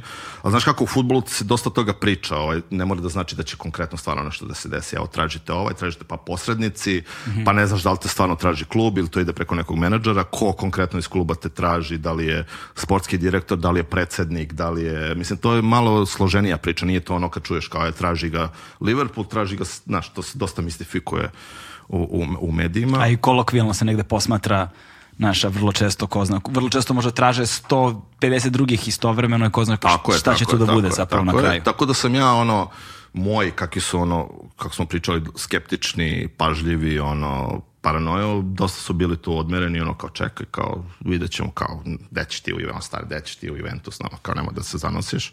Tako da su me oni, ta njihova, ta, ta vrsta skepse me držala malo, ono... Prizemljenim. Prizemljenim, da, i onda stvarno se desio taj kontakt i eto, kao Juventus koji je, ono, za mene bio Ovo, ovaj, još ugaćili smo sam bio klinac, jer tad je bila italijanska liga, samo tad nije bilo ovo sad možeš da ono, milion liga, kao sve se prenosi, nama italijanska bila liga zakon, ono, kao, i tad su neki naši igrači tamo krenuli, ne znam, Savićević, e, koji je još bio Jugović, ta ekipa, i onda kao italijanska, ja kad čujem, ono, kad sam čuo Juventus, znači, no, ne znam koje mogu, mogu je Real Madrid da dođe, džaba bi bilo, znaš, ono, da. oću Juventus i to je to, kao. Iako sam imao tad i Borussia Dortmund, Celtic, ne znam, baš su ono, dobri mm -hmm. klubi bili zainteresovani, ali oni su imaju, italijani imaju to ono kao malo, malo uh, zavodničko, džentlmensko, oni su poslali svoje ljude stvarno, znaš, i to je ona, poslali su stvari tog menadžera. A čekaj, ti si znao da će menadžer da dođe i tako da, da, da to, ili to neko iznenađenje? Oni su se najavili, oni su najavili, oni su najavili klubu, pošto u to, to vreme je važilo pravilo da niko ne sme da, čak i da koketira sa igračem, ako je on pod ugovorom, ne znam da li je da danas to, ali to niko, to, to se ne mm-hmm. poštuje. Tako da su oni napravili kontakt sa klubom, naravno klubu isto u interesu da proda igrača što bolje i onda su oni odobili taj kontakt i taj čovjek je došao kod nas u kuću, ono moji su kao, to je to neko gostoprimstvo, ono naše, kogod da dođe moraš da ga primiš i da daš mu najbolji pršut, ono, tko moj deda što je radio, najbolji pršut se čuva za goste. I o, tako da smo ugostili o, tog čovjeka i stvarno on doneo karte avionske u Torinu hotel, ne znamo, ono. I ovaj, tako da klub je isto hteo da... A šta, za celu porodicu? Da, da, celu porodicu. I ovaj, klub je isto, znaš, ono, ja kad sam vidio ono, neki notes iz ono, Juventusov logo, meni je to bilo već ono, potpisat ću za džabe. Jer jeste stvarno, meni je to bilo stvarno prestiža, a ne novca, znaš, ono, i ne. to se isto dosta e, ljudi ne razumeju da igrači kao i svi ljudi, su hlepni više nego što su, naravno da je novac važan, ali više stvar prestiža u suštini. Zato sam rekao, ono, došao realno sa ne znam čim, meni bi ono kao Juve i kao... Se rekao ča, hlepni. Da, da, častohlepni, da, da. da. To je jedna stara reč koja, koja mi se sviđa, tako da... Sjajan izraz, častohlepan, da, da, da. sviđa mi se, sviđa mi se. Ove, ovaj, e sada, dakle, oni su vas odveli u Torino sa celom familijom. Tako je. Uh, Kada je to bilo? To je bilo 99, ako sam, ili 2000, 2000 ta, ja mislim mm -hmm. da je mhm. bilo, pošto slabo pamtim godine. Ti u tom trenutku kako imaš... Kako za knjigu, ne sjećam se stvarno. Ja imam u tom trenutku 19 godina. 19 godina. Znači još mhm. uvijek tinejdžer. I, ovaj, a to je bilo nevjerojatno. Znači, ja sam, evo, baš sam pre neki dan nekom drugaru iz Splita pričao, ali ono, apropo, kad se nakon vraća, ja sam bio toliki klinac da sam ja, uh, uh, pazi, stavili su staru i starog u jednu sobu, ja i sestra smo bili u drugoj sobi, I ja se sjećam da sam ja tukao sa sestrom, znači, ono, pazi, ono, gale, pazi situaciju, znači, ja sutradan trebam da potpišem neki ugovor, ono, tamo me čekaju ovaj Mođi i Betega, koji su, ono, ne znam, alfa i omega, ne znam, ono, italijanskog futbala, I ja ono sa sestrom se tučem oko minibara, ono, ne znam, da, naš ono kao, to je nevjerovatna stvar sa 19 godina, razumeš? I sećam se kad smo išli u Bazel, pošto je uh, Juventus je teo da me pozajmi, da, da pozajmicu u Bazelu, Bazel je tad bio klub u stasavanju koji je uh, bio dosta onako za pečku, dosta je tavori i onda odjednom dobio nekog mecena koji ono imao i novca i onda su imali velike planovi i onda je Juventus smatrao da je najbolje za mene da igram za tako nekog, jer igrati u Juventus sa 19 godina dosta je teško, tako da smo dali na kaljenje, što se kaže ovde kod nas. I onda smo išli... A, Aha, znači, znači to tako, pošto sad izvinjavam svima koji će biti uvređeni mojim neznanjem futbala, ali moram da pitam.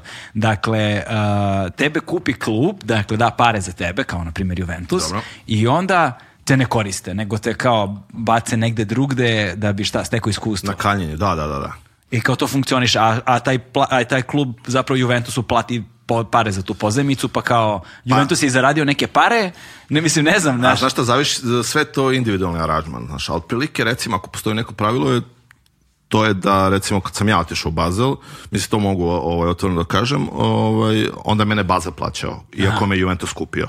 Znači on je otkupio mene iz, od Pet Glory i onda me dao na kaljenje u Bazel, s tim Znači, naš jer Bazar recimo ne može da priušti uh, toliku sumu od transfera, ali može Juventus, ali Bazar može da priušti da me plaća i ja igram za Bazel, a u Juventusu bi bio vjerojatno na klupi ili ne bi igrao, razumeš? Mm -hmm. Tako da se negde ono aranžman koji odgovara jednom drugom klubu. Zapravo ti nisi nikad zaigrao za Juventus. Nisam zaigrao, ja kažem uvek sreće što nisam zaigrao, zato što je to ono ta uprava i, i klub u to vreme na kraju zastranio u, u veliku korupciju afere.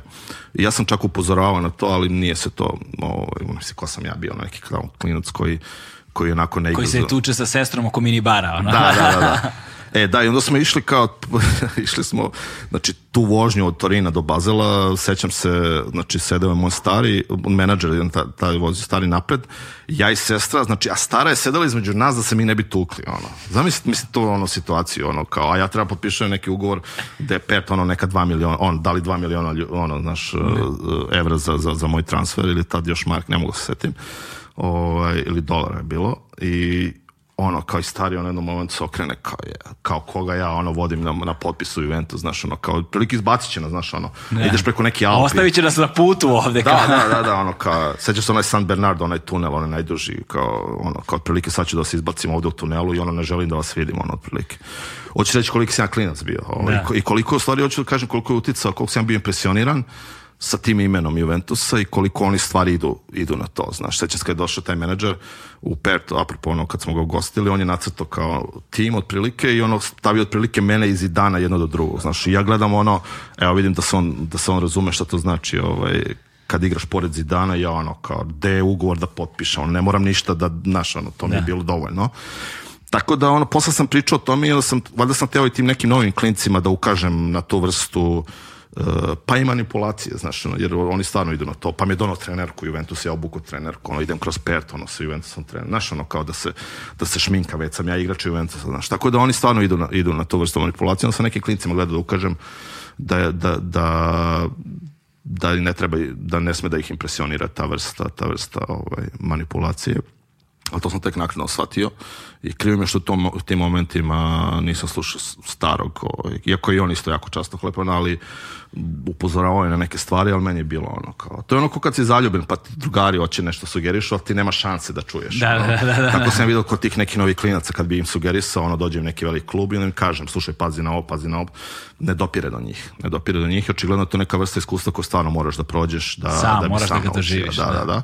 E sad, uh, tajming je jako bitan u futbolu, znači i faktor sreće je isto jako bitan.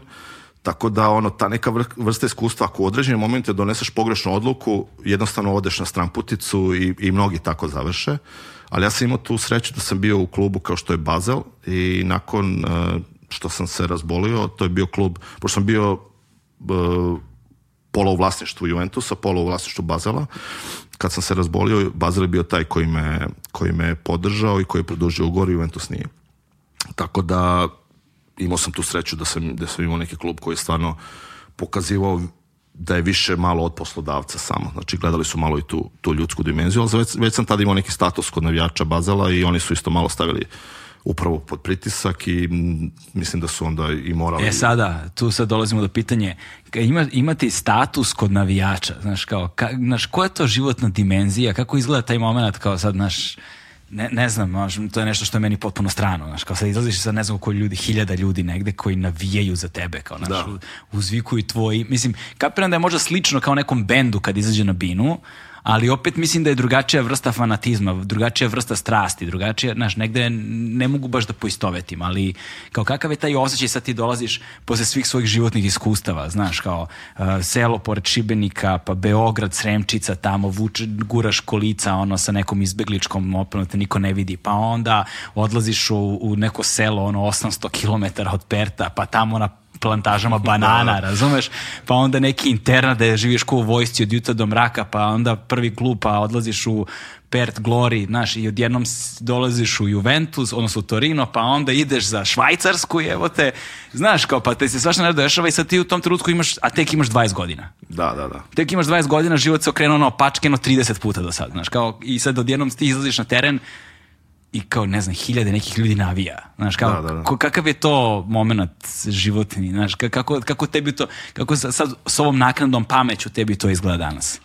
Pa izgleda nadrealno, stvarno, znaš, ali u tom momentu, uh, u, u, pošto se to tako brzo dešava, to je valjda toliko abstraktno da ti nemaš nemaš ti to ono što smo pominjali, nemaš ne. ti vremena tu mnogo za refleksiju, uh, nego jednostavno si bačen u to. I onda se mm. ili snađaš ili se ne snađaš ali mislim da je to meni ono, što da kažemo, naknadna pamet i naknadna emocije, sve to, meni se to, mislim da je to dosta, dosta doprinalo uh, razvoju te moje depresije, anksioznosti, ovaj, ne znam da li, da, li, da, li, da li želiš da ulazimo kasnije u to, da, da, tom, ali to tu, mi se tu, da. desilo jako brzo, nakon te prve sezone i druge u Bazelu jer tu drugu sezonu, prvo smo postali šampioni, drugu sezonu sam uh, odigrao prvu ligu šampiona, E sad ne znam koje su to relacije za tebe, ali evo, momci znaju da još Liga šampiona je najbolja. Ono, Liga, da, znam šta da je Liga krema. šampiona. Da, da, da, da.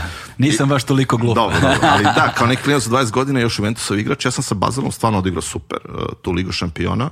Znači bio sam ono man of the match, ne znam, proti Liverpoola, proti Celtica sam odigrao super, znači, ono, opet veliki klubovi dolaze i valjda je i tu su me ti navijači stvarno, stvarno zavolili, bio sam, bio sam ono egzotičan i, i, i, i tu sam malo odskakao. Uh, I tu sam već stvorio neki, neki status, e, kultni sam dobio kod, kod navijača i onda sve to vreme, ono kad pričamo da nema vremena za refleksiju, počelo da se razvija neka vrsta uh, intimne patnje, intimnog osjećaja, da možda ja ne pripadam tu, pogotovo što se tiče lifestyle, recimo, futbalera, očekivanja, baš velika očekivanja, pošto sam ja to kao Juventusov igrač, uh, u to vreme rastrzana familija sam svo vreme e, tih iskustava e, traumatičnih i teških bio svo vreme ipak sa roditeljima, a to je prvi put da sam ja bio negde u Švajcarskoj, a oni su ostali u Australiji i mislim, a baš sam bio ovaj, usamljen, iako ja sad u ovom životnom dobu uživam u, u, u samoći, ali u to vreme sam bio, osjećao sam se jako usamljen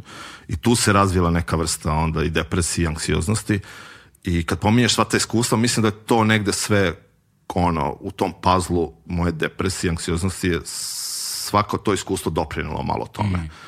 Tako da to nije ostalo bez posledica i onda je to došlo vreme i onda je to vreme ono možda ključno u mom životu kada sam imao vreme i za refleksiju i kada sam se totalno drugačije postavio prema čitavom tom svetu, prema futbolu kao takvom, to je ta vrsta iskustva koja je doprina da onda krenem da, da razmišljam i promišljam e sada, o svemu tome. A, taj evolutivni put, ovaj, ti si ga nekako preleteo, ja bih se na njemu zadržao, zato što on nije ni jednostavan, ni kratak, Ovaj, I kako biva obično sa anksioznošću i sa depresijom, pre svega sa depresijom manje nego sa anksioznošću, anksioznost kada stigne ona postane vrlo, vrlo jasno ovaj, se, se prikaže, vidljiva. Da. vrlo jasno vidljiva, možda je teško imenovati i shvatiti šta, šta je posredi, posebno kada si mlad i za to potreban određeni proces, ali efekti njeni su vrlo jasni. Dok s druge strane, depresija možda bude strahovito podmukla i možda ima milion i jedan pod, o, po, pojavni oblik i ono što se najčešće dešava sa depresijom, ovaj, to je bio negde i moj slučaj, godinama imenuješ drugačije Naš, da- ne, ne, naš, ne daješ joj na značaju ili je, ili je imenuješ nekim drugim uzrocima, fenomenima, ne znam čime i kao nešto što će da prođe, što ma treba ja, znaš, ma, to sam ja istripovao ili, naš, govoriš za sebe da si slab ili, naš i tako dalje, dok ne, da, da, da nekako osnažiš sebe, da prevaziđeš samo od sebe neke stvari, ne dajući im na značaju onoliko koliko bi zapravo trebalo. Um, dug je period do trenutka kada se ona pojavi, do trenutka kada si je ti imenovao i stvorio odnos prema njoj. Na što je nek, neki ili je to, neko drugi ili je stručnjak imenovao. Neki, pa to na to i mislim, ali kao da tebi da. ja da ti jasno imaš odnos prema tome, neki prođu ceo život da to ne urade, znaš. Da. Ovaj tako tako da uh, u kom trenutku i na koji način je tebi postalo jasno e kao trebalo bi možda da razgovaram sa nekim. Uh, Pa upravo si mislim, on, to se vuklo negde, to se vuklo... Uh... Kako se to vuklo, kako se to manifestovalo? Danas sa naknadnom pameću možeš pa to da kažeš. Manif, manifestuje prvo tako što kreneš da izbegavaš uh, traumatične i, i, situacije, situacije koje su izazovne, koje te dovode u neko iskušenje, da moraš da budeš čvrst, da moraš da budeš jak, kreneš da izbegavaš ljude, uh, znači čitava ta pompa, mediji, koji ti na početku gode krenu da ti smetaju osjećaš se više pod pritiskom. Meni se desila povreda u svemu tome i desilo mi se prvo iskustvo da sam video da... Kako povreda? E, imao sam povredu prepona. Aha. U stvari to je, to je čak i nije povreda, to je, to je hronično stanje i dosta futbolera ima problema sa preponama. I to je prvi put bilo e, kada sam u Pertu u Australiji kada sam igrao na dosta, dosta nižem nivou i, i sa manjim intenzitetom. Igrao sam onaj ritam sreda, subota, kad se igra ono, Liga šampiona, Liga UEFA i igra se paralelno Liga i to je valjda toliko intenzivno bilo da, da sam imao hronično, hronično upaljenje prepona i morao sam da idem na operaciju i desilo se to da, da operacija nije baš prošla kako treba, a istovremeno se desilo to da su uh, Juventus i Basel negde ono, e, ju, doktori Juventus i Bazela su opet iz nekog ne znam, prestiža kalkulisali između sebe gde ja treba da se operišem, da li ono treba da me nadgleda ovaj doktor ili onaj doktor i na kraju sam tu dobio i neko vrst, vrstu iskustva gde sam video ono koliko ono negde je nehumano iza, iza, iza kulisa svega toga koliko je sve stvar prestiža, čak i kad se radi o zdravlju, a u to vreme sam imao dosta ponuda velikih klubova, onda su oni malo špekulisali mm. ovaj, između sebe e, da li ću da odem u neki klub, ko će tu da zaradi, ko neće. Desila se operacija koja je jako loše prošla. E, Šta? Pa mislim da je pogrešila doktorka ta e, iz Mihena i imao sam, pauzirao sam još duže dok se nisam oporavio. I u to vreme dok sam tavorio u svemu tome i dalje se ono čekalo na moj povratak e, da ću opet da zaigram kako sam igrao i tu su ono ta vrsta pritiska je postojala i mislim da se tu razvila ta vrsta E, nekog mog e, otpora, čak i gađanja, e, izbjegavanja i tu se razvila onda i anksioznost i depresija u svemu tome. Iako ono kad si pomenuo manifestacija, manifestacija anksioznosti i depresije, kod mene se to e, pojavni oblik je bio telesan, znači tek sam naknadno... Psihosomatski. Psihosomatski i tek sam naknadno, naravno, opet Eh, dok sam bio na lečenju na, na psihijatri, bio sam stacioniran, znači nije bilo ambulantno, nego baš stacionalno lečenje, tri meseca. Dosta sam čitao te literature i postoji ta takozvana larvirana depresija koja se pokazuje E, somatskim simptomima i tu onda dođeš u onu situaciju da ideš od jednog do drugog doktora e, somatskih, somatskog tipa, znači od toga da ne možeš da dišeš kako treba, od toga da e, imaš lupanje srca pa ideš od pulmologa do kardiologa do, i u svemu tome uvek očekuješ da će ti neko ono, pa makar ne znam, bio ono rak pluća, ali reci mi šta je ti u to, tu raste ta vrsta neizvesnosti i ne, i ne znaš jednostavno šta se dešava sa tobom dok nisam skroz pao i dok e, bukvalno više nisam mogao da hodam. Znači jedno jutro sam ustao i nisam mogao da stanem na noge. I tad je moja majka bila sa mnom, e, koja je došla e, iz Australije. ja sam, toliko sam se bio uplašio, baš sam čitao, malo pravim paralelu i njesta, ne znam da se čuo za igrača, ovi momci sigurno čuli. Imao je jako slično iskustvo i on je toliko se uplašio da je, da je to veče ono, spavao uh, kod majke u krevetu. Ja sam imao potpuno isto iskustvo. Tačno vidiš ono koliko je majko stu, u suštini metafizičko biće. Ono, znači, u tom momentu mi je bilo samo da budem, ono, nisam mogao da ustanem, samo da budem pored nje i ono kao dve noći nisam mogao da izađem iz sobe. Ono je bilo ono bdila nadamnom. I to je bilo ono moment kao kad je i ona čak rekla ono Ivane moraš da ideš kod psihijatra. I ovaj, onda sam zvao timskog doktora i rekao... Koje godine je to bilo? Molim? Koje godine to bilo? Pa to je neka 2002. treća i tada sam imao 22 godine i odvezli su me uh, u psihijatrijsku kliniku. U Bazelu? U Bazelu, da. I u tom momentu se bilo ono, kao odmah išao komunike prema spolja, Ivan Ergić je povređen, uh, došao sam klin, mislim ono, to, u jednom od mojih pesama ima, dobio sam pseudonim da me ne bi uh, novinari tražili, Her Kaiser, dobio sam Kaiser znači car na nemačkom. Da Hoćeš da pročitaš pesmu? a ne znam sad, ajde dok pričam, pokušat ću da je nađem. Uh, da, da, da. Mislim, to je autentično iskustvo, stvarno jedna od, od najiskrenijih pesama.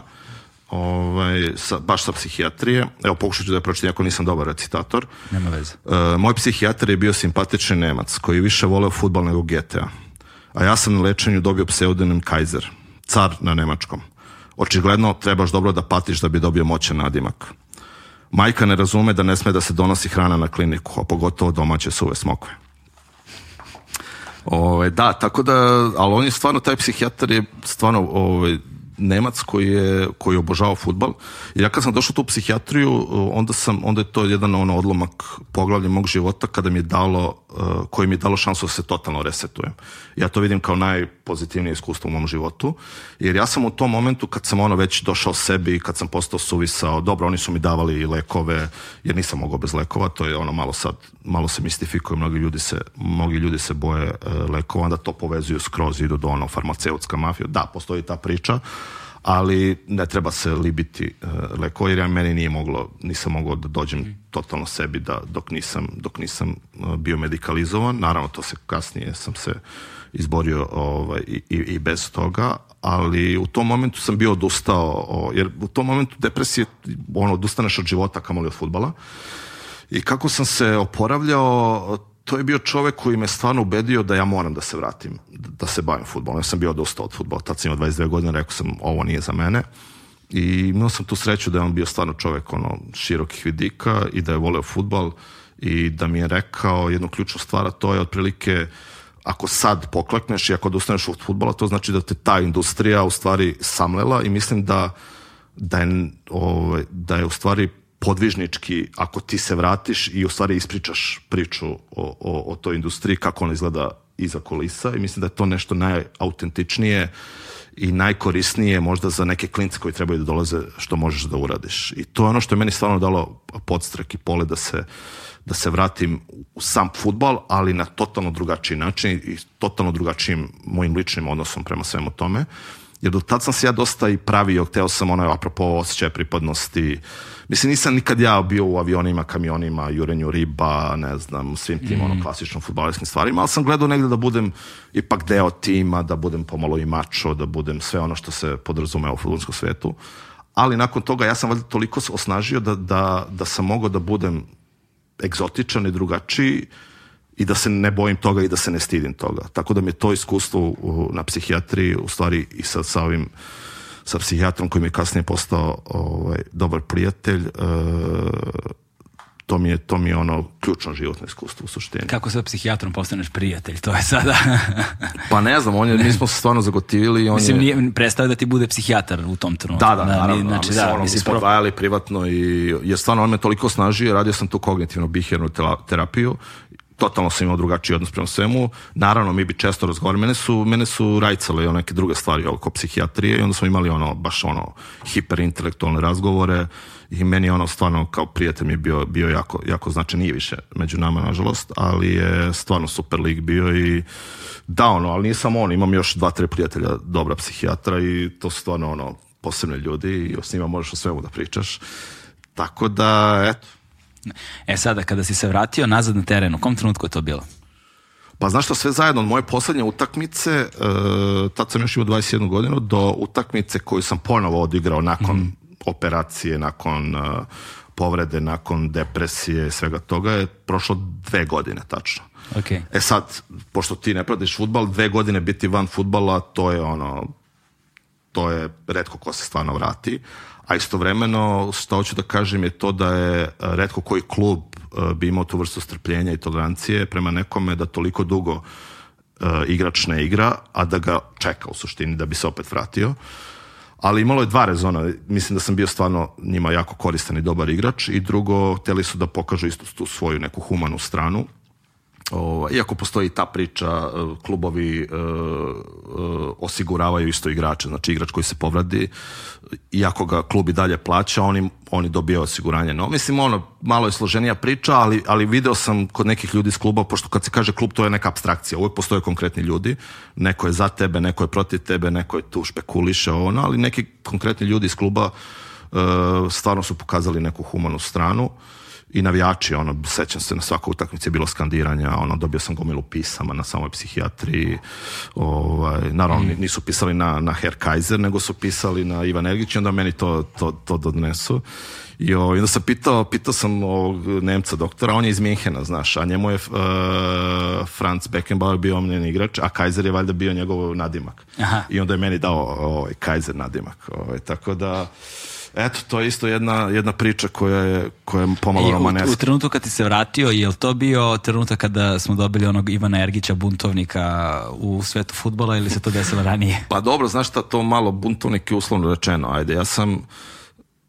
Ajde da se malo osvrnem na to, pošto ljudi imaju ponekad pogrešan utisak da ja ono kao nešto hejtujem futbal, da, mm. da sam protiv futbala, da sam, ne znam, eh, kao eto, buntovnik bez razloga, a u stvari ono što, što sam teo da uradim je samo da pokažem tu drugu stranu. Znaš, jer toliko je ova strana, ova spektakularna, pompezna strana zastupljena, znači to je ono, to je industrija teška milijardama koja tog jednog klinca od 5-6 godina ubeđuje da je ono biti futbal, biti futbaler e, ono, najsjajnija stvar koju možeš da baviš, s kojom može da se baviš u životu. I onda ja dođem jedan, jedan jedini valjda koji piše o ovoj drugoj strani i ima to iskustvo insajdera i odjednom si ti kao neki hejter. E sad zamisli tu diskrepancu između ovoga znači te industrije spektakla koja, ono, koja je besprekorna, koja funkcioniše marketinški besprekorno, jedan klinac protiv toga nema šanse. On vidi samo ono što je, kao što sam ja video kad su došli ovi i napisao moje ime protiv, pored Zidana, tako i ovaj klinac nema šanse. I sad ti dođeš i kao pokušavaš nešto da objasniš, čekajte, postoji druga strana, upravo da bi pripremio tog nekog klinca da ne bi doživeo ovo što sam ja doživeo i proživeo, da te ono udari.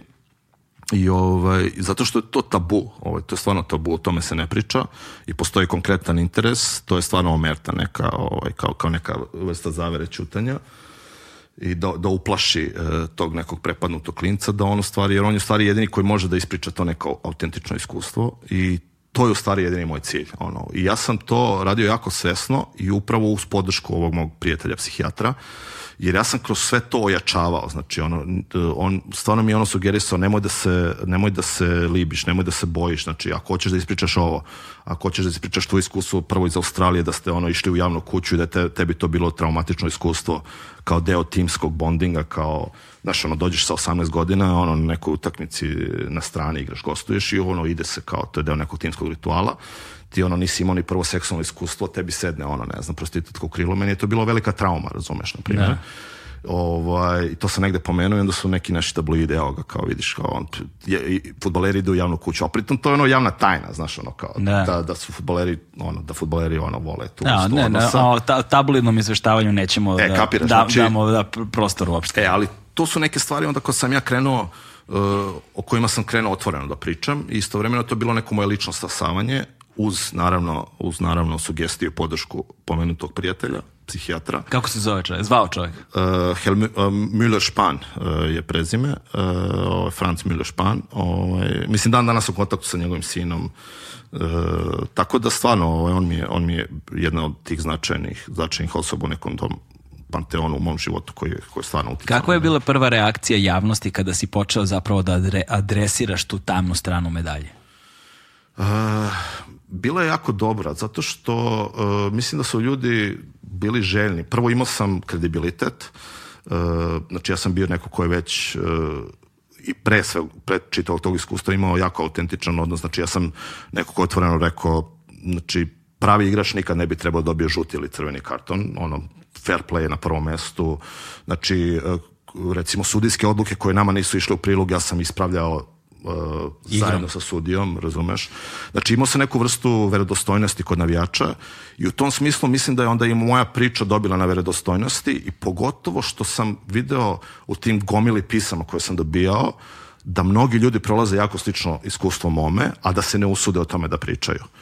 E, i tu vidim negde uh, da to, uh, to uh, ta moja odluka da izađem, ovaj, da se ogolim na neki način i izložim, uh, E, bez obzira na, na, na posledice, u stvari ima, ima smisla. Jer kad mi se ljudi na taj način otvore, a u stvari onda istovremeno vidiš ko, u kakvom darvinističkom društvu mi živimo, da znači gomilo pisama od učitelja, od advokata, od koji su prilike ono što im je bilo zajedničko, ja bih voleo da mogu na taj način da, da govorim otvoreno, da budem autentičan, ali se bojim uh, ne znam, seća se jednog učitelja koji je rekao, moji đaci e, ne bi, e, ja bi izgubio veredostojnost, oni bi me gledali drugačije, ne bi bio autoritet, kada bi ja odjednom pokrenuo da pričam da patim od depresije, od... Mm.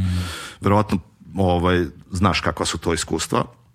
Tako da vidim, u tom smislu sam video da to stvarno, stvarno ima neki smisao. Ne samo tamo, nego i ovde kod nas isto. Znam da je, i onda sam uvijek pazio da to ne dobije neku tabloidnu dimenziju, znaš, da znaš da se to isto tabloidizira odjednom ono kao i ono, jedno svi su nekim depresijama, svi su nekim ono, patologijama i ono sa tome. Odjedno su svi setili da su bili zlostavljani, ne znam. Tako da to isto dobija neku spektakularnu dimenziju. Tako da se mora biti jako pažljiv i način na koji se to govori i, i, i kontekst ova, ali mislim da sam, da sam to uspeo mm -hmm. u to mhm. vreme. Na, ovaj, uz, e, čak... možeš još, molim samo. A, svet futbala je istovremeno takođe jedan svet uh, ne samo futbala, profesionalnog sporta, ali futbol tu nekako stoji dosta istaknut.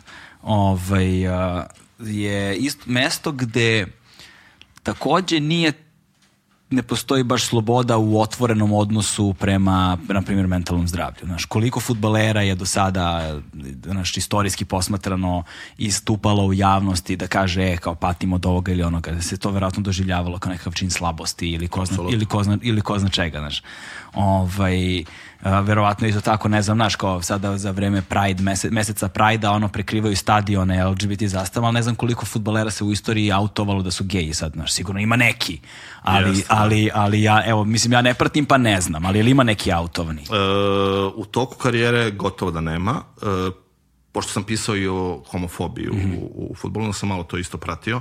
Postoji ovaj nemački igrač Hitzelberg, Hitzelsberger, ako se ne varam da se zvao, koji se auto kao, kao homoseksualac, ali tek nakon što je završio karijeru, što je isto jako simptomatično i dosta, mm. dosta govori.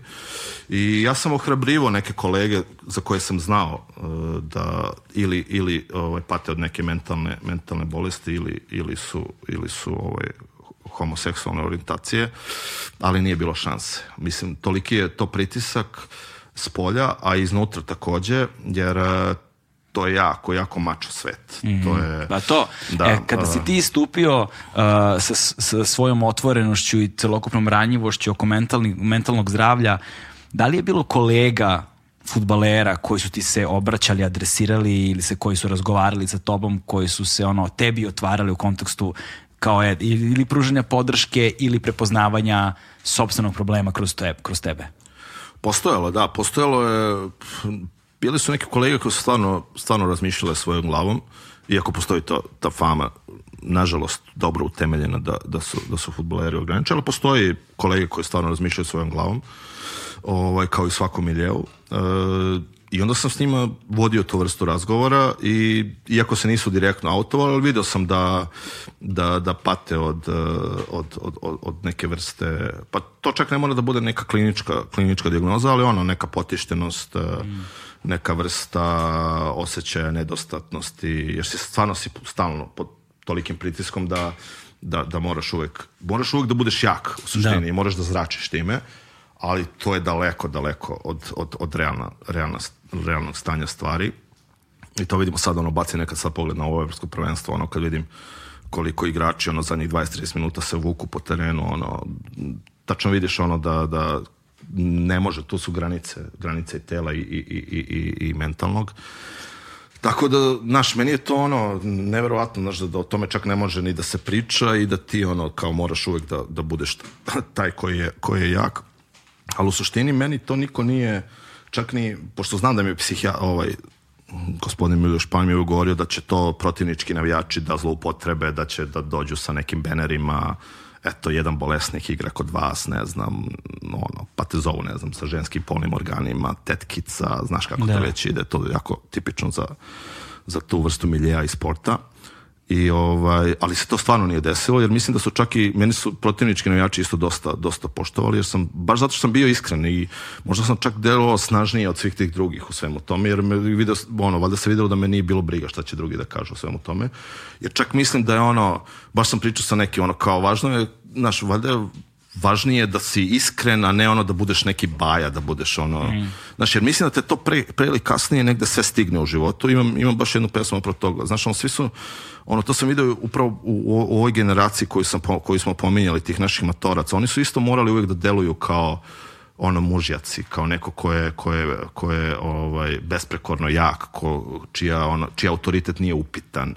I mislim da to može da se u jednoj fazi života, da to može negde da, da, da se da se izdrži, ali onda dođeš, ono, ti, ja sam malo analizirao te ljudi, to to su ljudi koji već u nekoj 50-oj, e, ne znam, vidiš ono neka potištenost, vidiš e, e, krvni pritisak, vidiš ono šećer, vidiš gojaznost, vidiš ono, znači to su ljudi to ono pretvaranje da si nešto drugo pre ili kasnije te to stigne, da, da. kapiraš i onda odjednom od tih tih ono uh, titana koje smo mi gledali postaju upravo ono suprotno od onoga što su, što su hteli da, za što su hteli da se izdaju. Tako potrošen, da te preli, tako je, totalno izraubovani i tačno vidiš da te ono što kažeš, ne, ako ne platiš na, na mostu, plat, platit ćeš na Ćupriji, jer ne možeš da živiš uh, protiv svoje prirode, razumeš? I to je ono što, do čega sam ja došao. Ono, želim da živim u skladu sa svojom prirodom, to sam ja i to je ono što ta vrsta iskustva ovaj, uh, intimnog kada te toliko osnaži da stvarno onda te stvari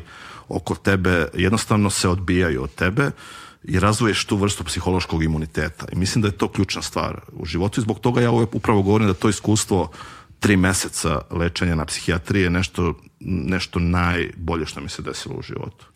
A, u kom trenutku ti postaješ član a, reprezentacije? Ovaj, znam da si igrao na svetskom prvenstvu u Nemačkoj. Da. Na, skupljao sam sličice tada, pa znam kao... Jesi dobio mene, imaš duplikat neki da mi daš, pošto ja tražim. Dobro, Panini je isto imamo, put. Imamo ovde negde album popunjen, ali da, da, da. možemo da ga nađemo posle. A dobro, ja sam u mlado igrao, znaš, meni mlada, e, iskustvo igranja u mladoj reprezentaciji mi je čak lepše bilo nego mm. iskustvo igranja u ovoj drugoj.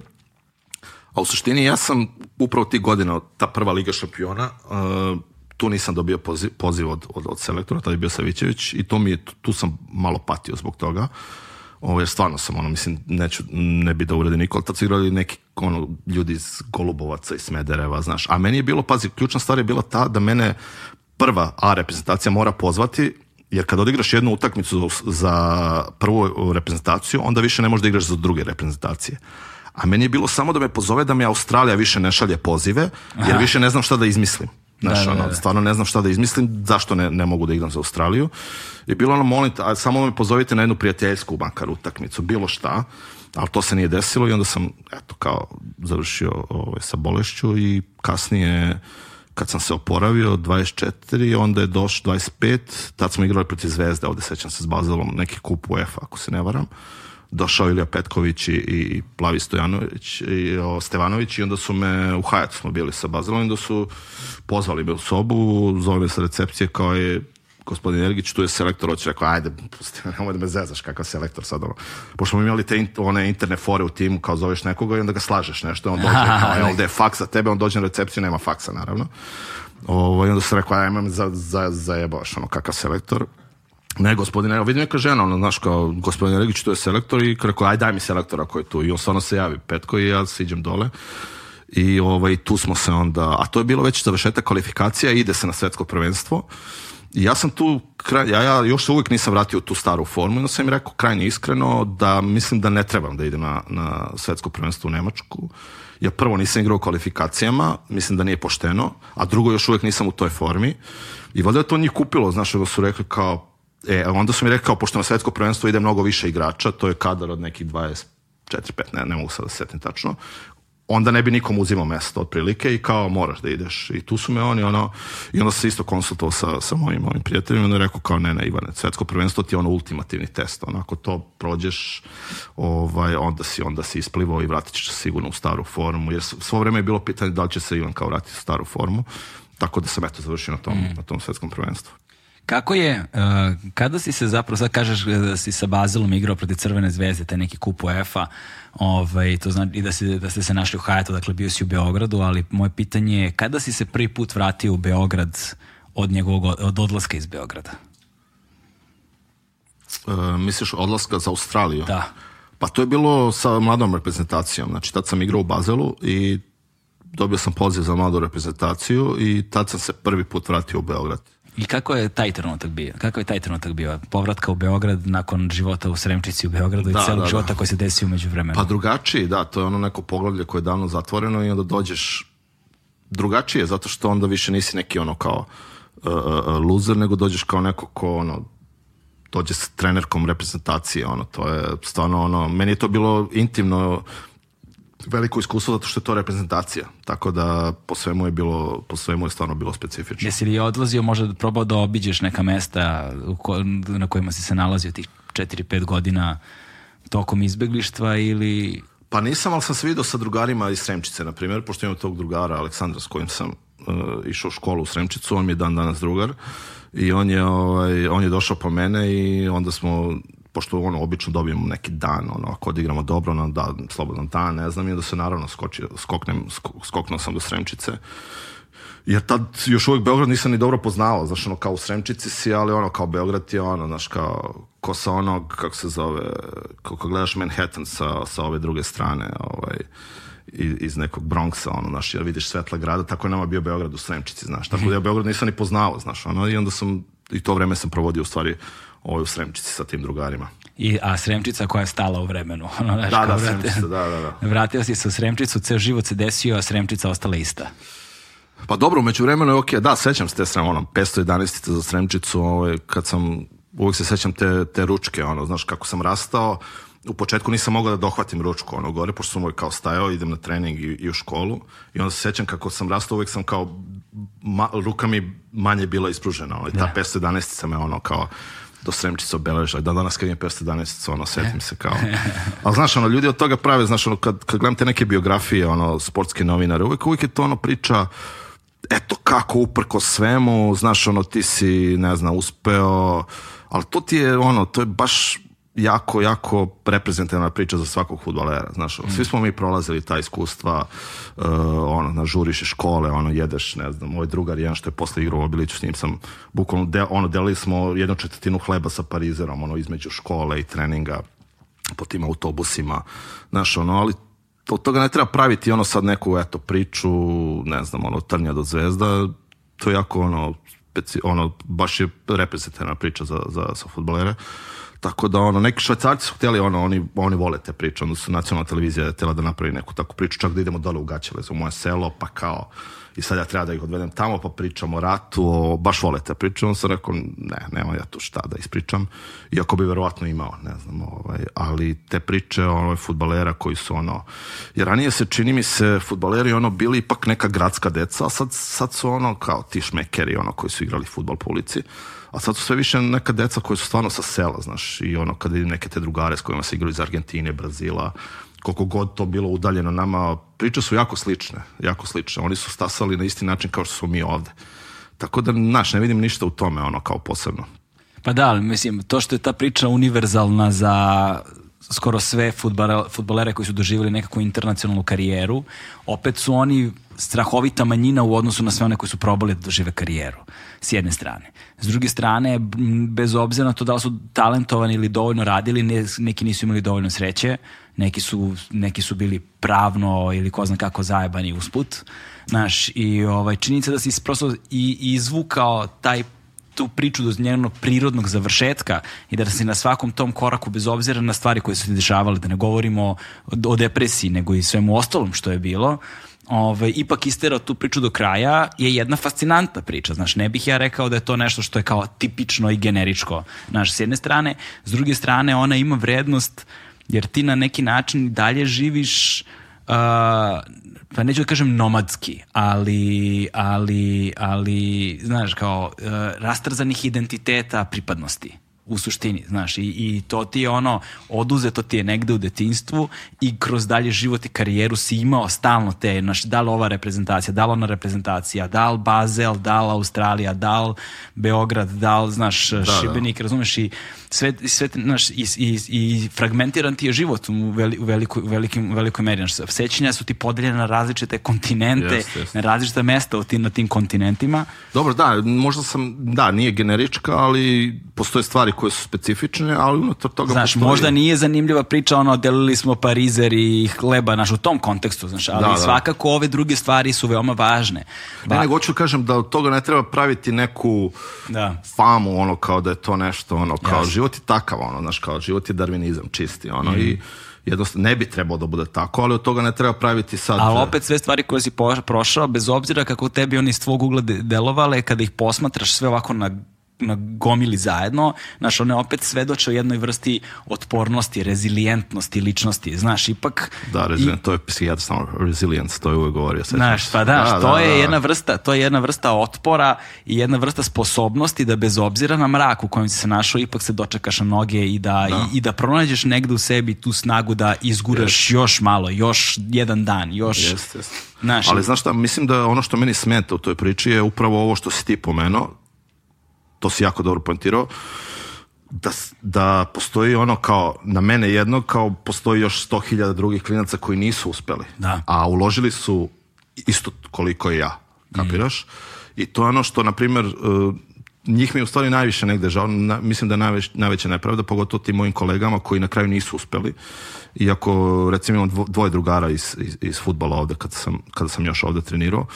Jedan je doktor i jedan je pravnik. Mislim, super su ljudi, znaš, oni su primjer onoga koji, da su ipak uspeli da, da. naprave nešto od svog života, a postoji gomila oni koji su koji su ostali totalno raspršenih snova. Mi mislim da je to neka, neka intimna, uh, intimna E, e, nezadovoljština koja, koja ostane ceo život. Da, Jer... imam ja prijatelje novinare koji su, koji su celog života fascinirani tom vrstom sudbina i tom vrstom priče i volili bi da ih ispričali, nažalost niko nije zainteresovan da novac za takve stvari, gde oni meni kažu, znaš ono, Uh, izlaziš kod frizera lokalni pijanac koji sedi u diskon, ispred diskonta pored, znaš, pa kaže, e, ja sam, pa sad neko poznato futbalersko ime s njime, igro Jeste, godinama, da, da. znaš, ono, Tipično. cepa pivo, rekao, ajde bre, beži matori, a onda znaš, ono, čovek, ne znam, umre i pet godina kasnije ti neko kaže, pronađeš fotografije, ne kažeš, vidio i stvarno jebote igro. Da, da, da Razumeš, da, da. ali prosto u jednoj trenutku njihove potencijalno velike karijere stvari su otišle dođavola yes. jer na tog jednog koji je uspeo idu milioni yes, njih koji, koji nisu imali tu sreću. I upravo to je isto jedan od elemenata koji ubacujem u, u, u pričanje ove, mm. ove druge strane priče, znaš, tako da to jeste neka vrsta nepravde, ali ne mislim sad na ove što ti kažeš, mm. što ceo dan ono kao sede u kladionici i ono hejtuju čita svet i uvek su drugi krivi za njihov neuspeh. Nego baš mislim na one koji su uložili ono isto vreme, isto ono istu količinu rada, odricanja i svega i na kraju ipak nisu ovaj nisu uspeli zato što je baš selekcija to, toliko surova ovaj e, e, da eto, kao, ali eto, ne možemo svi da budemo futboleri. Za ova dvojica drugara mi je stvarno drago, jer su ono, i tad su već bili ono pametniji od nas svih drugih. Znači, ono, I drago mi je da su jedan je neonatolog, drugi je pravnik i ono, baš sam ponosan na njih. Pozdrav, pozdrav veliki da, za da. da. njih. E, ali šta sam teo da ti kažem, znači, u, u svemu tome, e, to je još jedna velika tema. E, sad, sad, sad polako dolazimo do segmenta kad govorimo o tome kako si ti zapravo izašao iz profesionalnog futbala i kako je izgledao taj trenutak kada si se ti zvanično u svoj glavi i u svom srcu ono, oprostio sa futbolom i rekao ovo je to, to je tačka, više se ne vraćam. Ovaj, I sada, ali kada nakon toga ono, osvetliš sad opet svoj put negde unazad, to je još jedan taj danak profesionalnog sporta sa kojim ja recimo imam ogroman problem. Jer zbog konkurentnosti, jer u toj potrazi za uspehom i poštovanjem, kako se rekao, často hleb. Je li tako? Často hleplje, da, da. Často da. hleplje, da. Ovo, ovaj, A super reč, zašto jeste, ne bi rehabilitovali malo? Naprimjer, mene ljubopitljivost, ovo, izvinite, preko, naprimjer, ljubopitljivost je mene fenomenalna reč. Ali ljubopitljivost postoji dalje. Kako misliš? Pa mislim kao koristi se, naš Aha, naš... da, da, ali kao, redko, redko da. ali gledao sam da li postoji prevedenica, pošto srpski jezik je u 19. veku sastavao na nemačkom, nemačkom ovaj, na nemačkoj matrici i oni imaju te kovanice, často hleplje, ljubopitljivost i to, ali sam gledao čak za ljubopitljivost ne postoji u nemačkom jeziku, ono, ali to je neka vrsta radoznalosti, ja sam, na mhm. primjer, kao dete bio ljubopitljiv, ali drugačije od radoznalosti. Da, da, da. Tako da mi sad palo na pamet dok si to govorio, na primjer, te, te vrste kovanica su meni, meni ovaj fenomenalne. Ovaj, E, kada osvetliš sad unazad, jel te, sa ovom nakladnom pameću koju stalno pominjem, a, e, to je ta druga stvar koja mi recimo strašno smeta u profesionalnom sportu zbog te ča, zbog tog častohleplja, jel te? Zbog uh, zbog potrebe za uspehom i poštovanjem koje svi negde traže u ovom kao zaoštrenom individualizmu u kojem živimo poslednjih stotina godina. Znači ti imaš situaciju uh, da da bi bio konkurentan, moraš da treniraš, vežbaš šta god. Da bi bio konkur, da bi bio bolji od nekog drugog, koliko uzmemo pretpostavku istog talenta, ti moraš da vežbaš više, a pošto dan traje 24 sata, ti mora da počneš ranije. Znaš, i onda ta konkurentnost tera da se počinje sve ranije i ranije i ljudi danas počinju sa 4-5 godina da treniraju i cele svoje dane i sve svoje vreme posvećuju tome. I onda ja gledam te neke profesionalne sportiste vrlo uspešne koje poznajem i kao pravim paralelu, znaš, kao kad smo mi išli u grad, oni su se vraćali iz treninga, znaš, kad smo se mi muvali, ne znam, i družili, oni su išli na trening, kada smo mi išli na koncert, oni su se vraćali iz treninga, znaš, šta god životno, oni su ili na trening ili sa treninga, negde su, im je bilo oduzeto to detinstvo. Yes Znaš, negdje mi je bilo oduzeto to detinstvo i onda ukoliko se ti snovi ne ostvare, znaš, oni nisu opremljeni alatom da se snađu u životu van tog profesionalnog sporta. Posebno što taj profesionalni sport zahteva određenu vrstu posvećenost tako da sve drugo amputiraš iz svog života i ono zacrto si sebi jednu metu, jedan cilj i kao ono am, amove neko da ti je stavio, Just. ideš brate, znaš, samo, samo ka tome šta onda kad se ti snovi sruše. Ili sa profesionalnim sportom koji je uspešan, šta kad se karijera završi? Tako je, da. Znaš, to su dva velika pitanja za svakog potencijalnog sportistu i bivšeg yes. sportistu, znaš. I u tom kontekstu me sad zanima kako, e, kako izgleda tvoj trenutak kada si ti zapravo rešio da završiš sa profesionalnim sportom? Pa, to je dugo, negde dugo sazrevalo meni, jer da se vratim na ono kad sam bio, kad sam bio uh, na lečenju, ja sam tad teo da završim, završim sa sportom, tako da kažem, kad se vratio sam imao totalno drugačiji odnos prema tome, upravo mislim na to da uh, kao da, ja sam i dalje bio tu, funkcionalan, uh, igrao sam manje ili više dobro, ali negde intimno stepen poistovećivanja nije više bio takav i samo je bilo pitanje vremena kada ću da kažem sad je dosta, I imao sam tu opet specifičnost da sam kasnije klub me nagradio tako što sam postao kapiten u tom klubu i stvarno ono kogod je, koja god ponuda je dolazila, mene to nije zanimalo, ja sam teo da, da budem baš lojalan, lojalan, lojalan Bazelu, jer su oni bili jako lojalni prema meni. A koje ponude su dolazile? Pa dobro, bilo, nije, posle nije bilo te vrste ponuda kao kad sam bio ono, kad je Juventus dolazio, taj je bio ono, stvarno, Celtic, Liverpool. Sad koliko su te Bor Borussia bila jako zanimljiva. A posle su dolazili neki klubovi recimo iz Francuske, Španije, iz, ali nisu bili ovi iz, iz, iz top, top 3-4 kluba ali stvarno me nije zanimalo i niti sam imao menadžera, niti ono, stvarno sam imao ono kao taj, tu vrstu odnosa i onda je samo bilo pitanje vremena kad ću kažem sad je dosta, a to je vreme, to je ono kada vidiš da ne igraš više pošteno, znaš, i onda to više nije pitanje, to je stvarno pitanje onda i, i odgovornosti prema, prema klubu i prema navijačima, uh, da li igraš eh, dovoljno pošteno ili ne. Tako da, da, kao mogo sam još i da odigram, ne znam, dve, tri sezone, ali on to bi bilo ono šlepanje klasično, mm. na, na, na ono na osnovu stare slave, a to mi na nije... veresiju. Pa da, da, to mi nije padalo na pamet, stvarno nije pošteno. Tako da mi je došao taj bazel sa 28 godina kada nisu više produžili ugovor sa mnom, a tad sam već imao neki imidž, što ti kažeš, buntovnika i mislim da nekim ljudima u klubu, treneru po najviše, nije odgovaralo ovaj, e, ta vrsta moje, e, moje, moje pojavnosti u javnosti i u svemu tome, iako je baza bio jako tolerantan prema tim mojim političkim filozofskim pričama ali vidim da je bilo i tu zadnju sezonu isto nisam odigrao dobro i bilo je vreme ono kao mislim, negde sam intim osjećao da neće produžiti ugovor sa mnom i bilo je otprilike ono ok, ako završim sa 28 možda je prerano, ali ok, znaš, tako mm. da nisu produžili ugovor sa mnom i onda je došao period, ono došao je letnji kao raspust, kraj sezone, ja sam računao, ok, valjda ću naći klub, ono, kao tu zadnju sezonu sam još igrao Ligu šampiona, bio sam kapiten Bazela, kao da ću naći nešto i ono dolazi negde, pošto ima prelazni rok i posle prelaznog roka više nema prelaženja, nema više transfera. Tako da dolazi ono neki kraj augusta, ja ono nemam klub, ovo, ovaj, bilo nekih interesovanja i eto, na kraju se desila taj Bursa Sport Turska i bilo otprilike kao ono, nisam ni čuo za klub, ne znam gde idem.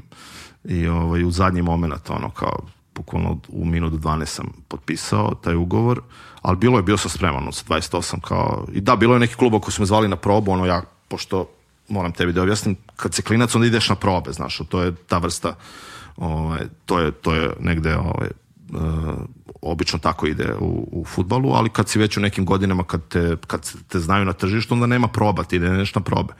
I sad zvali su me neki klubovi na probe, rekao, gde sad ide na proba? Ja već ono ugojio se 3-4 kila preko raspusta, ono, kao, valjda ću kao naći klub. Uh, I onda me zvao, od Denze me zvao u Dansku na probu, rekao, čoveče, nemam klub, mora, ajde, moram da idem na probu, ali ako se povredim, gotovo je. Posle, znaš, ako se povrediš na probi, teško će te ko uzeti. I na kraju je bilo tako da je on, taj trener je kao bio sam dobar i na kraju se raspitao meni kao ne, Ergić ti previše filozofira, imaćeš dobar igrač, ali ćeš imati problem s njim. Otprilike su takve priče bile. I na kraju se desi Bursa Spor koji ono jako slučajno se desio. Trener koji je gledao nekog drugog igrača na kaseti i video mene Aha. i rekao je ovaj, ovaj je dobar koji je ovaj lik i znao je slučajno mog prijatelja jednog iz Bazela Turčina i otprilike mi smo otišli tamo kao dva ortaka ono da pričamo sa njima pošto nisam menadžera i u zadnji moment smo potpisali sa, sa Bursom i on sam rekao, ajde, imam dve godine ugovor, kad prebacim tu trojku, ono, 30, onda mogu kažem, evo, okay, sad je dosta i kao, ako posle nađem, ne nađem klub, stvarno mi nije, jer sam tad još imao malo ono želje da igram i ta Turska mi je bila fenomenalno iskustvo, tako da, eto, sa 30 sam završio. I to je sad još jedna nova ono životna epizoda, još jedna selitba. Jeste, da, Znaš, da, da. Još jedna drugačija kultura, drugačiji jezik, drugačije podneblje u kojem se sad opet sve počinješ iz početka. Tako, Koliko je totalni dugo... kontrast prema Švajcarskoj. No, pa da, u da, odnosu na da. Švajcarsku posebno. Jeste, jeste. Znam da sam pričao nekim drugarima, pošto Švajcarsko kao moraš da paziš na svaki zvuk, ono ja volim da sviram, oko svaka srbin, da, da sviram kolima. I onda kad sam došao u Tursku, prvo sam se i svirao dobro, ono, znaš, kao, jer tamo isto kad god odlaziš, dolaziš svirneš, znaš, ono. Rekao je, a ovo mi je ventil sad, ono, mogu da, da svira. Mislim, malo karikiram, ali otprilike tako, da, da, da. Tako da, da, kontrast je stvarno švajcarski. Iako su bazilovani jači atipični za samu Švajcarsku u smislu da su isto strastveni mm -hmm. i da, tako da Da, bursani navijači su isto, ali tamo su ono čitave familije navijaju, tamo Turci su poznati kao, kao fanatici i mi smo imali taj ogroman uspeh ono, sa, sa klubom koji je bio underdog i eto, sad, da, sad imamo ono kao neki spomenik su ono napravili u, u gradu, ono, Burs, koji je ono, 3 miliona ljudi. Znaš, neverovatno iskustvo, ono, ta Turska. Tako da, posle toga sam rekao, ono... A čekaj, sad pitanje, jesi ti prvi član porodice kome su digli neki spomenik? Moguće, da, da, pa... A kako misliš? E? Pa, pa, pa pitam, znaš, zašto čitao sam negde da se nekom intervju pominjali da Pradeda... A, da, da, da, dobro, da, da, da. On je bio ovaj prvoborac, streljan je, da, da, on je kao na spomeniku, ali mislim nije moj spomenik, nego da. čitavog je tima pa, da. spon, ovaj spomenik. Tako da to jeste stvarno preterano, ono, kao da se sad kao podignu spomenik. Ali hoćete reći koliko je to bio ono kao uspeh? i koliko je to iskustvo. A Turska ti je jako zeznata, znaš, tu u Turskoj znam neki drugi igrači, ako nemaš uspeha, onda si, ono, moraš da se sakrivaš, znaš, ono, ako imaš uspeh, onda si, ono, bog. Tako da, da, da, da. prilike tako izgleda. Kazna i nagrada su, Jeste, ono, da, da daleko da. odmaknuti. Dok je Švajcarska, znaš, ja ono uvijek govorim, kao pitaju za Švajcarsku, Švajcarsku te poštuju, u Turskoj te vole, obožavaju, znaš, to je ta otprilike, ono, neka mentalitetska razlika koja se osjeća među samim, među samim navijačima i ljubiteljima futbola. E, ali sad još jedna stvar koje, koju sam želeo kao odvojenu temu da pomenem, a ti si je već sad sam pomenuo dva, tri puta usputno, ti nisi imao menadžera. Znaš, u jednom sportu u kojem ono je ono, dakle predatorski, doslovno predatorski, ništa majemo, čak i lešinarski vrlo verovatno u poslovnom aspektu, ti se krećeš i, na, i pra, na, na, navigiraš ono sebe bez menadžera, ovaj, a znaš, ono, sa, ja, ja, ja i sa iole malim ovde lokalno postavljenim, postignutim nekakvim uspehom, razumeš, kad god se nađem u poziciji da pregovaram za sebe, znaš, da ja sad pomenjem cifre naglas i da ja pregovaram svoje ime, to je užasno stresno, a, trauma, to su traumatične, to su bukvalno traumatične iskustva kad ti treba traj. Ja se uvek divim ljudima koji imaju dovoljno samopouzdanja, ma ja zaslužujem, daj mi pare, varaš, ja to kad vidim, ja sam ono, brate, daj malo tog pelcera, razumeš, kako da, da. pregovaraš da. za pare. Ja mislim da to posebna kategorija ljudi koji umeju da pregovaraju za novac. I blefiraju, da, da. To, je, to, je, to su ljudi koji ne dobijaju dovoljno zasluga za, za, jeste, za, veš, za veštinu koju posjeduju, slažem, zaista. Slažem se. Ovaj, ja isto to nisam imao znaš, I to je, mislim, da ne možeš da naučiti, da to moram, da ima da stvari koje naučiš, ali da je velikim delom i negde karakterne osobine moraju da budu takve, da si, znaš, predodređen Možda. za tu vrstu delatnosti. Tako da menadžeri su ljudi koji dobijaju ono, uh, svu, svu kritiku namerno da bi sa zvezde da zvezda ne bi bila ružna, bezobrazna, to ovo, ono sve što je, znaš, da kada zvezda kaže ne, a vidi ga, ovaj užasan, da bi oči, očuvali tu sliku ono čiste, ono, od čistog uspeha, neko drugi mora da govori ne umesto njih, a to su uglavnom menadžeri. Da. Ove, ovaj, I ljudi, e sad, kako si se ti kretao kroz taj svet bez menadžera? Kako si pregovarao za pare? Kako si, ono, posebno imajući u vidu tvoju specifičnu poziciju i u klubu i u svetu sporta? E, ali baš zato što je bila specifična priča, nisam siguran koliko sam ja bio zavistan od ili ovisan, kako se kaže, totalno sam sa tiltom već malo, ali... Jugoslovenski jezici. Da, da, da, da, ovisan, zavisan, da, da. Sve jedno. Stoji razlika, da. O, ovaj, ja sam bio, kažem ti, ono, kao devet godina sam ostao u jednom klubu, znaš, tako da e, menadžeri su relevantni kod transfera, otprilike. I, ali naravno da kad god je došla neka ponuda od nekog kluba, obično se e, prvi kontakt je preko, preko posrednika i oni su svi dolazili I onda sam uvek pitali naravno ko ti je menadžer da se napravi kontakt. Ja rekao nije mi niko menadžer. Na, u krajnjem slučaju to je moj otac. Ako, ono, iako sam isto gledao da njega, da, da se emancipujem vremena od njega. Jer to su, to su neke ključne godine e, kada se ne emancipuješ samo kao osoba, nego se emancipuješ uh, ovaj, i, od, i od te vrste pritisaka emancipuješ se od osjećaja pripadnosti, emancipuješ se na kraju kraja i od roditelja, znaš. Mm. Tako da su, baš se to sve dešava istovremeno. I onda sam ja isto gledao da, iako je on stari, jako, jako dominantna ličnost, ono, pater familias, uh, pričali smo o tome, mm. i njemu isto jako teško palo to, to moje odvajanje od njega. I onda sam a baš u, u, u, u kontekstu ovog osnaživanja o kojem smo pričali, to mi isto jako značilo da se na taj način emancipujem i da se sam brinem o sebi i u tom smislu karijere. I onda sam, ja sam čak i te neke ono, zakonodavstvo sportsko sam proučavao, ono, zašto bi neki menadžer to meni nešto govorio o tome i, i, i zavlačio i ne znam šta. I ovaj, tako da, i da, doneo sam svesnu odluku da želim da ostanem u tom klubu i da ne moram ja sad da napravim nikakve transfere, da, da odem u neku drugu zemlju, da, tako da nisam bio, nije me zanimalo ta vrsta, ovaj, ta vrsta podrške od neke, od neke menadžerske agencije, pošto ajde malo da, zbog nekih klinaca, ono, da, da, da napravimo neke, neke diferencijacije, znači postoji agent, postoji menadžer, menadžer je više neko ko se brine o tvojoj karijeri, baš ono menadžment karijere, to znači onda on neko ko je uz tebe, ko u nekoj nove sredini ti pomaže, ko ti donosi sponzor, sponzorske ugovore, tako da umeđu vremenu postoje i menadžerske agencije čitave. A agent je neko ko je agent u, u, u užem smislu, on je neko ko odrađuje transfer. Mm -hmm. Kapiraš i on posle nema ništa više sa tobom. Tako da ajde malo i da, da, da, da napravimo tu, tu, tu neku distinkciju. Tako da, da, nisam imao ni, ni agenta, ni menadžera, ovo, ali to su ti ono, u futbolu su ti to su baš ono sharks, što kažu ovi Australiji, oni su baš ono morski psi, ono, tu, je, tu se ne preza od ničega, e, jako često i kriminal u tome e, te vrste pritisaka, jako često, pogotovo kod nas, uh, futbaleri još dok su klinci, oni ih zavrbuju i onda ti ne znaš da li je to odnos uh, menadžerski ili je to neki reketaški odnos, uh, da li ti nekom plaćaš za neku zaštitu. Znači onda je menadžer u tom smislu baš ono menadžment, znači on je neko ko pravi pritisak na samog trenera da njegov igrač igra pa se posle možda i tali sa tim trenerom. Pokušavam malo sad neke stvari, ono čisto da bi bilo jasnije kako se to, kako to izgleda uh, sa, te, sa te druge strane, da. Ovaj, tako da, da, nije mi bio potreban menadžer, ali nisam ni, ono, rekao sam, znači, ono, znam da ću u, imati, e, bit ću hendikepiran u smislu karijere, da neću, ono, možda neke velike transfere na, napraviti, ali ome oni više nisu ni zanimali. Mm. I odatle dolazi taj moja, ono, a pogotovo kad, ono, kad vidiš od kakvim se ljudima radi, jako, jako malo je njih koji su, koji su pošteni i odgovorni i koji se stvarno brinu o, o, tom detetu.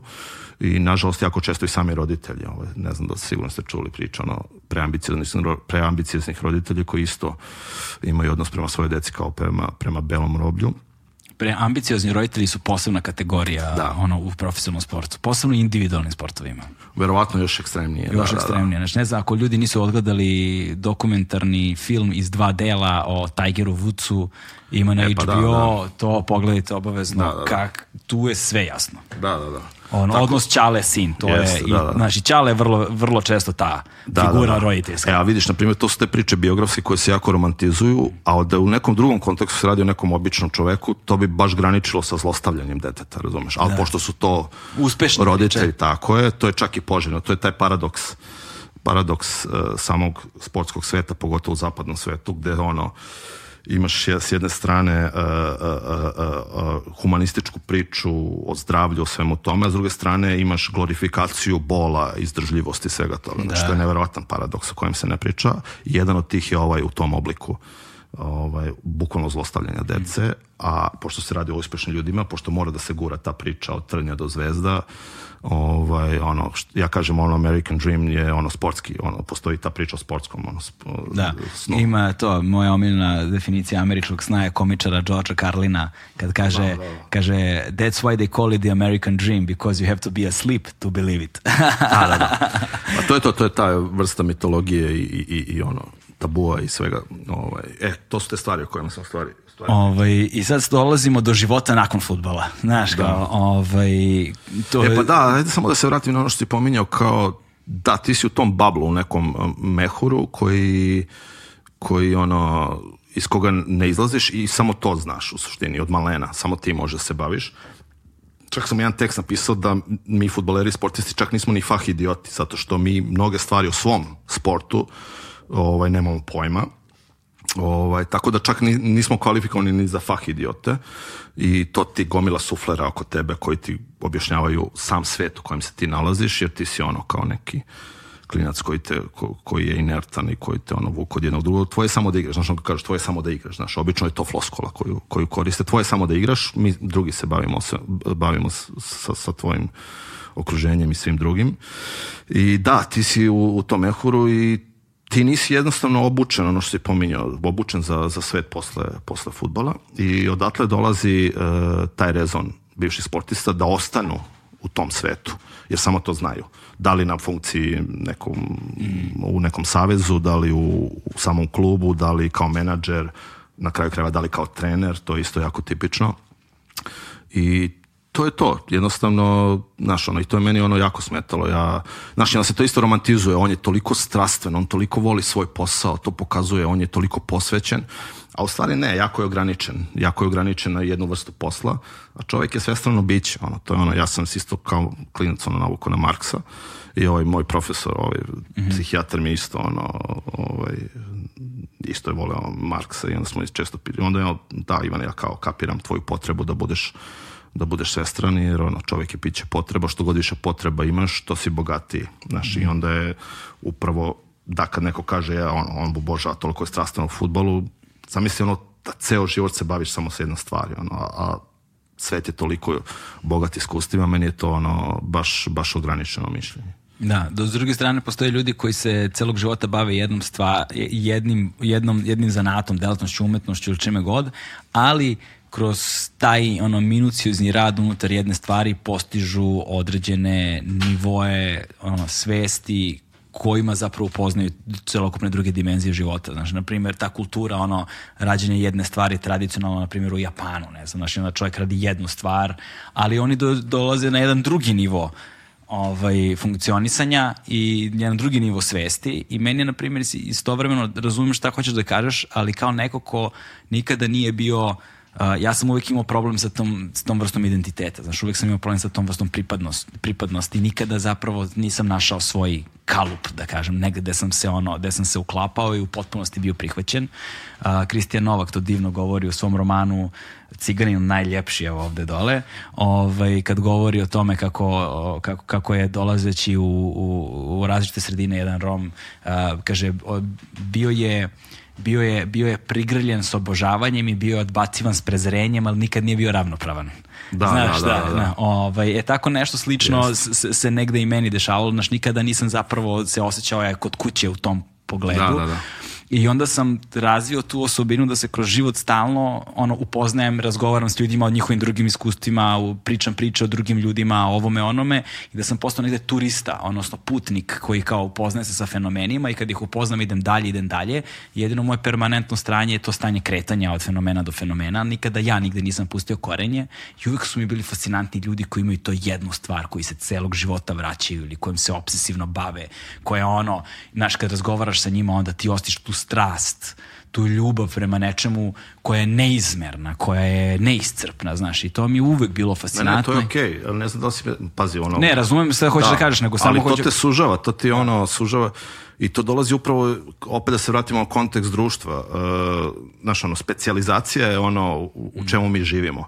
Da. I rana, što ranija specializacija stvara jednu vrstu izvrsnosti, ali to te ograničava u svim drugim da, stvarima. A ostali aspekti tvoje ličnosti atrofiraju. Tako je, o tome se radi. I onda imaš duh, duh koji nije omekšan kulturom, ne znaš ništa ni o čemu, ne možeš ni sa kim da vodiš normalan razgovor, niti kasnije, tome smo razgovarali pre snimanja, ukoliko žele bivši sportisti se uključe u javni život svog naroda jedne zemlje, onda ne laze na ogroman problem, jer onda shvataju koliko retroaktivno imaju rupa koje moraju da popunjavaju. Znaš ovaj, to onda zahteva jedan život posvećen sada nekom obrazovanju u narednim godinama u već zrelom dobu, što je značajno teže nego kad, ako je to urađeno onda kada, kada je trebalo.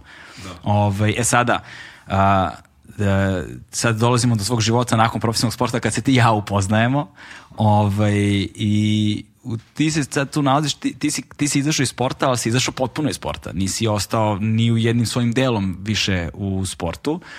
Ovaj, kako je izgledalo to sad novo otkrivanje sebe u tom nekom, u tom nekom kontekstu? Kako su izgledali prvi dani? Kako, znaš, kao s jedne strane imaš neku lovu koju si zaradio, koja kao što znamo kako je stvar sa takvom vrstom love, ona mora negde da cirkuliše da, bi, da, se ne, da ne bi nestala, što znači da si mora da uzdiš u nekakvu vrstu biznisa ovaj, s jedne strane i kao snalaženje u tome, a s druge strane kao treba sad da pronađeš neko mesto gde ćeš ti da budeš ti, kao sad ovo je sad moje mesto gde sam ja, gde ja živim, gde se ja identifikujem, koje pripada meni i negde stičem utisak da je to jedna od stvari kojima i dalje negde lutaš ili si se pronašao.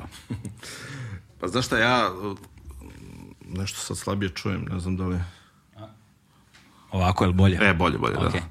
Ovaj, o, e, pa znaš šta, taj, ta tranzicija e, meni nije toliko teško pala, zato što negde intimno ja sam se, do, još dok sam igrao, opraštao od tog sveta, znaš, ono, mm. i svega onoga što e, što te za njega veže u tom nekom, u tom nekom duhovnom smislu, jer to je jaka duhovna droga, ono, znaš, kao kad imaš pažnju, kad imaš novac, kad imaš uh, taj spektakl, ono, sve to, to je stvarno jaka duhovna droga i vidim kod mnogih kolega, ovaj, pogotovo kad, kad pričam sa nekim psihoterapeutima koji se bavili baš sa bivšim sportistima i to svi imaju to zajedničko, da, da jednostavno odjednom uh, uh, uh, nagli pad u, u, u njihom značaju i značenju jako teško doživljavaju, e, daleko teže nego gubitak nekog materijalnog bogatstva mm. ili ne znam čega. Uh, Uh, Gubljenje relevantnosti u tako društvu. Je, tako znaš. Je, tako Više je. nisi na naslovnim stranama. Tako je, tako. Mislim da to veća duhovna droga nego, nego novac. Uh, tako da,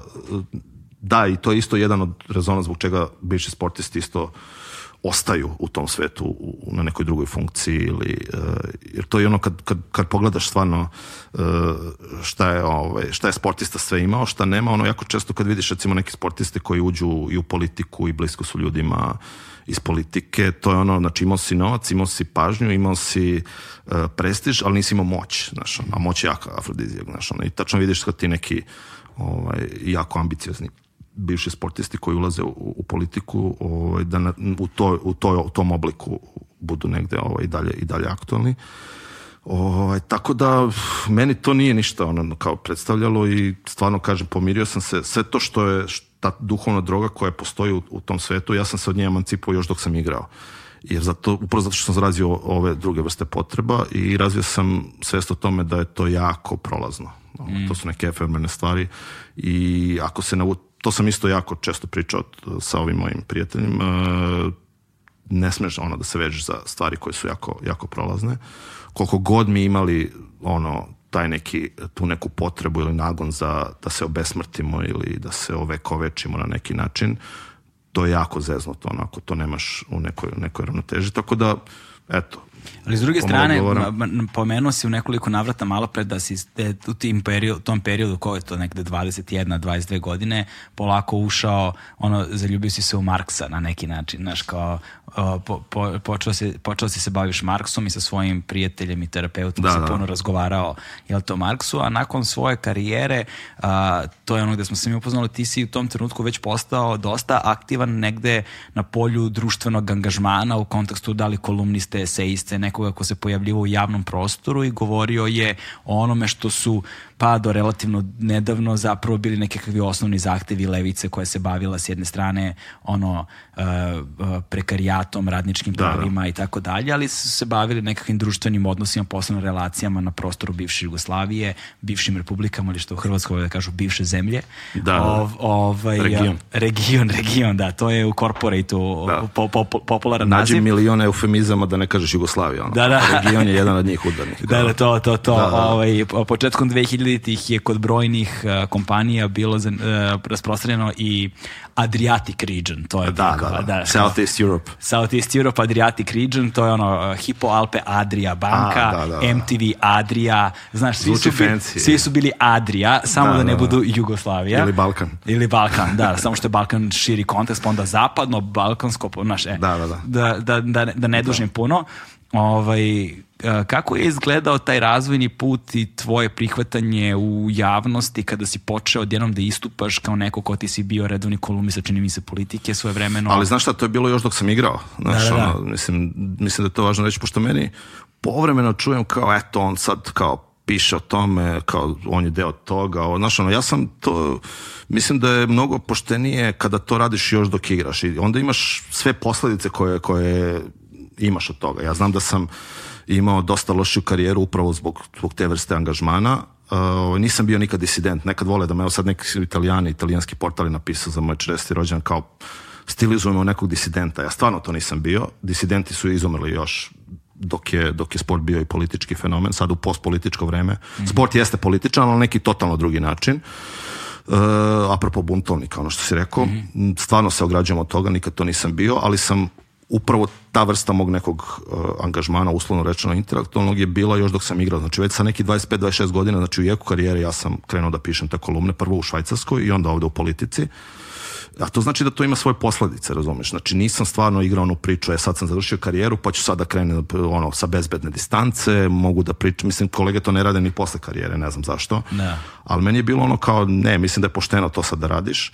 Tako da sam ja, da, već sam tad krenuo i onda je to valjda bilo ljudima zanimljivo. Sam bio valjda neki prvi insider koji je mogao nešto e, na artikulisan način to da to da e, To kaže. je ono što je važno, zato što tu se video zapravo jedan e, rad na sebi u kojem to što si ti pisao je imalo smisla i naš korišćen je jezik koji nije bio koji nije s, s, ono koji, koji, koji ne možemo da kažemo da pripada bilo kom profesionalnom sportisti, znači ne, ne da. konkretno da. futbaler, generalno da. naš sportisti koji pišu na taj način, rezuju na taj način, a da opet s druge strane nisu otišli u neki ekstrem, što imamo i te slučajeve da. vrlo često, pa onda to opet ima svoje probleme. Uh, a, je jedna vrlo, vrlo redka stvar. Ja ne mogu da kažem da znam još nekog tak, to, pa nažalost ne može, naš... meni je to krivo, znaš, mnogi bi isto kao, e, ti si sad poseban, meni je to krivo što ja nisam mogao od nikoga da naučim, mm. kapiraš, ja bih volao da sam imao kolege kod kojih sam ja mogao nešto da naučim, ali nisam, bio sam samouk, ovaj, i ovo što ti kažeš, da, kao bio sam artikulisan i često naučan, zato što sam ja dosta čitao, znaš, ja sam baš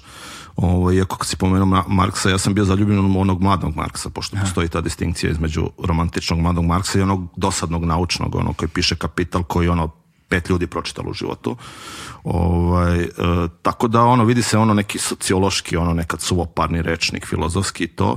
Sad kad opet gledam sa naknadno sa distancom, čak se nekad vidi i afektiranje, ono tačno se vidi koji tekst sam pisao da sam bio u nekom ono u kakvom sam stanju bio, ono mm. tipa nešto oko reprezentacije me iznerviralo ili ne znam, ono, i onda tačno vidiš da sećam se pisao statistici, nešto kvantomanija, ono, koliko je sve postalo statistika i onda dođem nešto sa reprezentacijom, vidim ono, trener baš insistira na tome, ono, čini mi se da kao čitao baš, ono, Aha, znaš, kao, da, da. tako da, znaš, ono, vidi se to, ali ja sam, kažem, opet pisao, gledao sam da to je bila jednostavno moja potreba nagonska, mm. znaš, ono, i zbog toga sam pisao pre svega.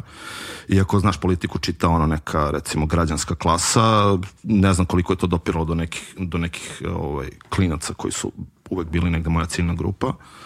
Ali da, to mi je bilo uh, to mi je bilo isto neka vrsta ventila. Ali ta vrsta društvenog angažmana je tebe zapravo negde ponovo vratila na prostore ono, jel te, bivše zemlje yes. i gde si sada ti odjednom ponovo postao aktualan u javnom životu i na prostoru Hr Republike Hrvatske i na prostoru Republike Srbije, ali sad u jednom drugoj, drugačije negde dimenziji, znaš. Sad ja ne znam da li si ti bio, ako me sećanje vara, ali na primer, kako se zove Šibenički ovaj festival, Fališ?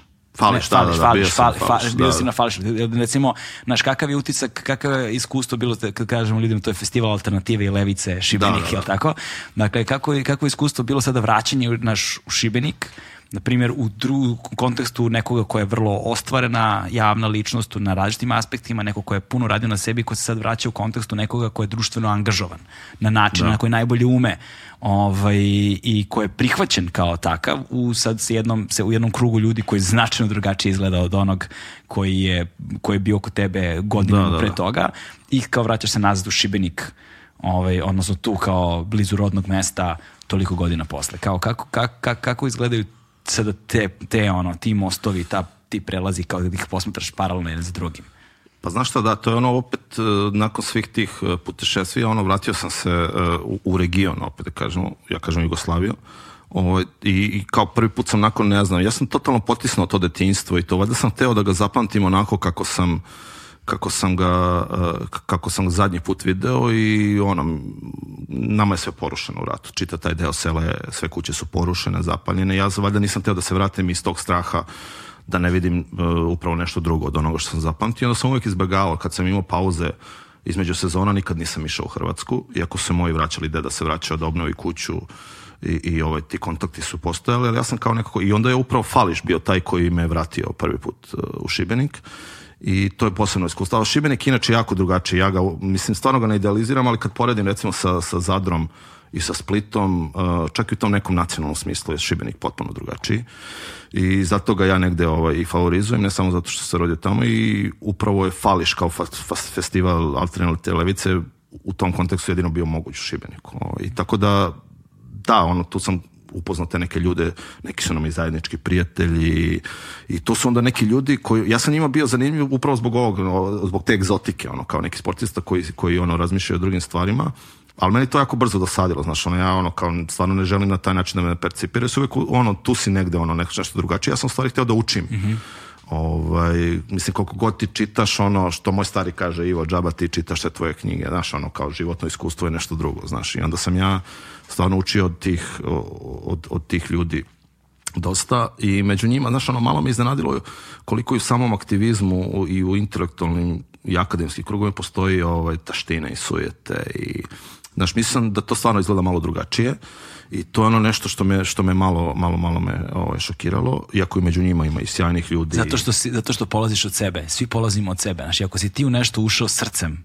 i, za, i verom, naš, da. zaista zamišljajući kao naš, evo ja sad dolazim ovde iz jedne potpuno druge sfere zato što ovo osjećam, kao potrebu i sad kao dolaziš među ljude koji su celoga života u tome, sad očekuješ da ćeš se naći u krugu jednom u kojem, a zapravo se preslikava yes, da. isto, isti ekosistem kao i bilo gde drugde i nažalost velikom broju ljudi je aktivizam samo sredstvo da oni budu cool a ne zašto Slažim veruju njega, da. znaš. Da, ali, ali moja preneraženost dolazi više iz, iz, iz, iz uh, odnosa stvari, znači iz neke hirarhije vrednosti, jer to su ipak ljudi koji bi, naš, od sportiste ili od futbalera se ne očekuje da bude uh, neka perjanica, neki stup društva, iako mhm. mnogi veruju da bi trebao biti, ali ne, po meni ne bi.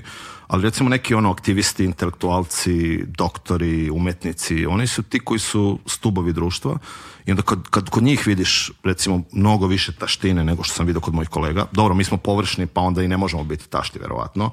Kod nas se zna, ono, kao ribe, kola, ne znam, zezancija e, i futbal, znaš, kao i ti ne možeš da budeš tašt, znaš. Pazi, ovde... akademski intelektualni elitizam je vrlo zajebana kategorija. Da, e, vrlo. to, to je ono što sam ja doživao i to me malo Iako, znaš, i u tom svetu ono, postoji jako, jako ono, dosta dobrih ljudi o kojima, od kojih sam stvarno mogao, mogao nešto i da naučim.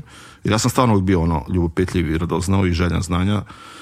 Ovaj, tako da, da, ono, fališ je bio. Ali znaš, ono, kad kažeš levica, leviča, znaš, nisam ja siguran. Mene uvek svrstaju to, u tu kategoriju ali znaš šta je danas levica, ono, znaš, ja na primjer živim, ajde, moj lifestyle je neki ono kao srednja klasa, mislim, ne živim ja previše luksuzno, avioni, kamioni, ono, ali ipak sam ja, ipak nisam radnička klasa, znaš, ako ćemo svedemo priču na to, onda nisam siguran ja koliko mogu ja e, da, da sebe obeležim e, kao levičara, možda je taj pojam previše fluidan sada, možemo da, mm. da ga prikačimo, na koju pojavu možemo da ga prikačimo. ali... posebno danas kada je društvo duboko polarizovano, pa se svi le, dele na levo i desno, Jeste, a, da. a ono, znaš, zapravo to je strašno, to strašno, strašno, strašno da. loše. Da. Kao što meni, ono, tek kad sam došao ponovno u Srbiju, ta podela na prvu i drugu Srbiju i dan danas je ne razumem. Uh, ne znam, ne znam gde su ti međaši kameni koji ono odvajaju jedne od druge. Tako da meni kaže Levica, ja mogu ono kao što je, ne znam, Einstein ili, ili Charlie Chaplin, su govorili su simpatizeri. Ja mogu budem simpatizer Levice, da. razumeš? Jer moj životni put i ono i koliko sam, u kakvom sam miljeu bio, koliko sam zarađivao i sve to, ja ne mogu da budem da. autentična Levica. Tako da, znaš, ono, ali da simpatišem se sa, da simpatiziram sa tim idejama, to svakako, da. Da. Ovaj, I kako je bilo to iskustvo povratka u Šibenik? Ono, da li si izdvojio vreme, možda da se vratiš? Pa jesam, da, to je prvi put kada sam ponovo otišao u selo. I... Kako je izgledao taj dan? Pa čudno, ono, čudno, baš su ono pomešano osjećanje, ali to je onaj tip iskustva kada tek nakradno, ono, u refleksiji, ono, osvestiš e, neke stvari ali dobro, ta kuća je već bila od babi i dede kuća koju smo najveći deo detinjstva proveli je bila je delimično porušena, u jednom delu je samo prošao tank kroz nju i ona je jako brzo uh, bila obnovljena, ali ne, ono, pošto su oni obnavljali nisu ono, vraćali na staro, nego bilo otprilike ono, po kvadratu, po povratniku, po, jer ono, država ne može to sve da isfinancira. A ovo od, od, rodite, od mame i tate, koja je bila skoro završena pred, pre nego što smo ovaj, pobegli, je sravnjena sa zemljom. Ona, znači, njoj nije moglo da se, ne, da se, još dan danas stoji ta velika, ono, hrpa, hrpa šuta i, i kamenja. Tako da da, ono, ali znaš šta, nekako vidim da, na primjer, moji roditelji to mnogo teže ovaj, pogađa.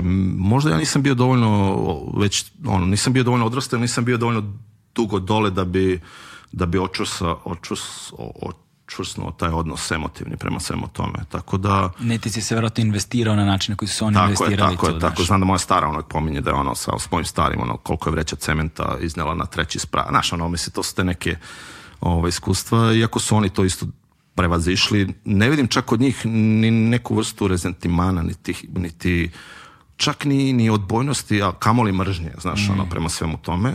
Po, ja pogotovo, jer znam zašto su se stvari, kakav je algoritam stvaranja ratne situacije i ni naša strana nije bila ni imalo nevina. Tako da, da, naš, rušene su i hrvatske kuće i tako da imam, ja sam sve to racionalizao, znaš, da. jako racionalno se imam prema tome.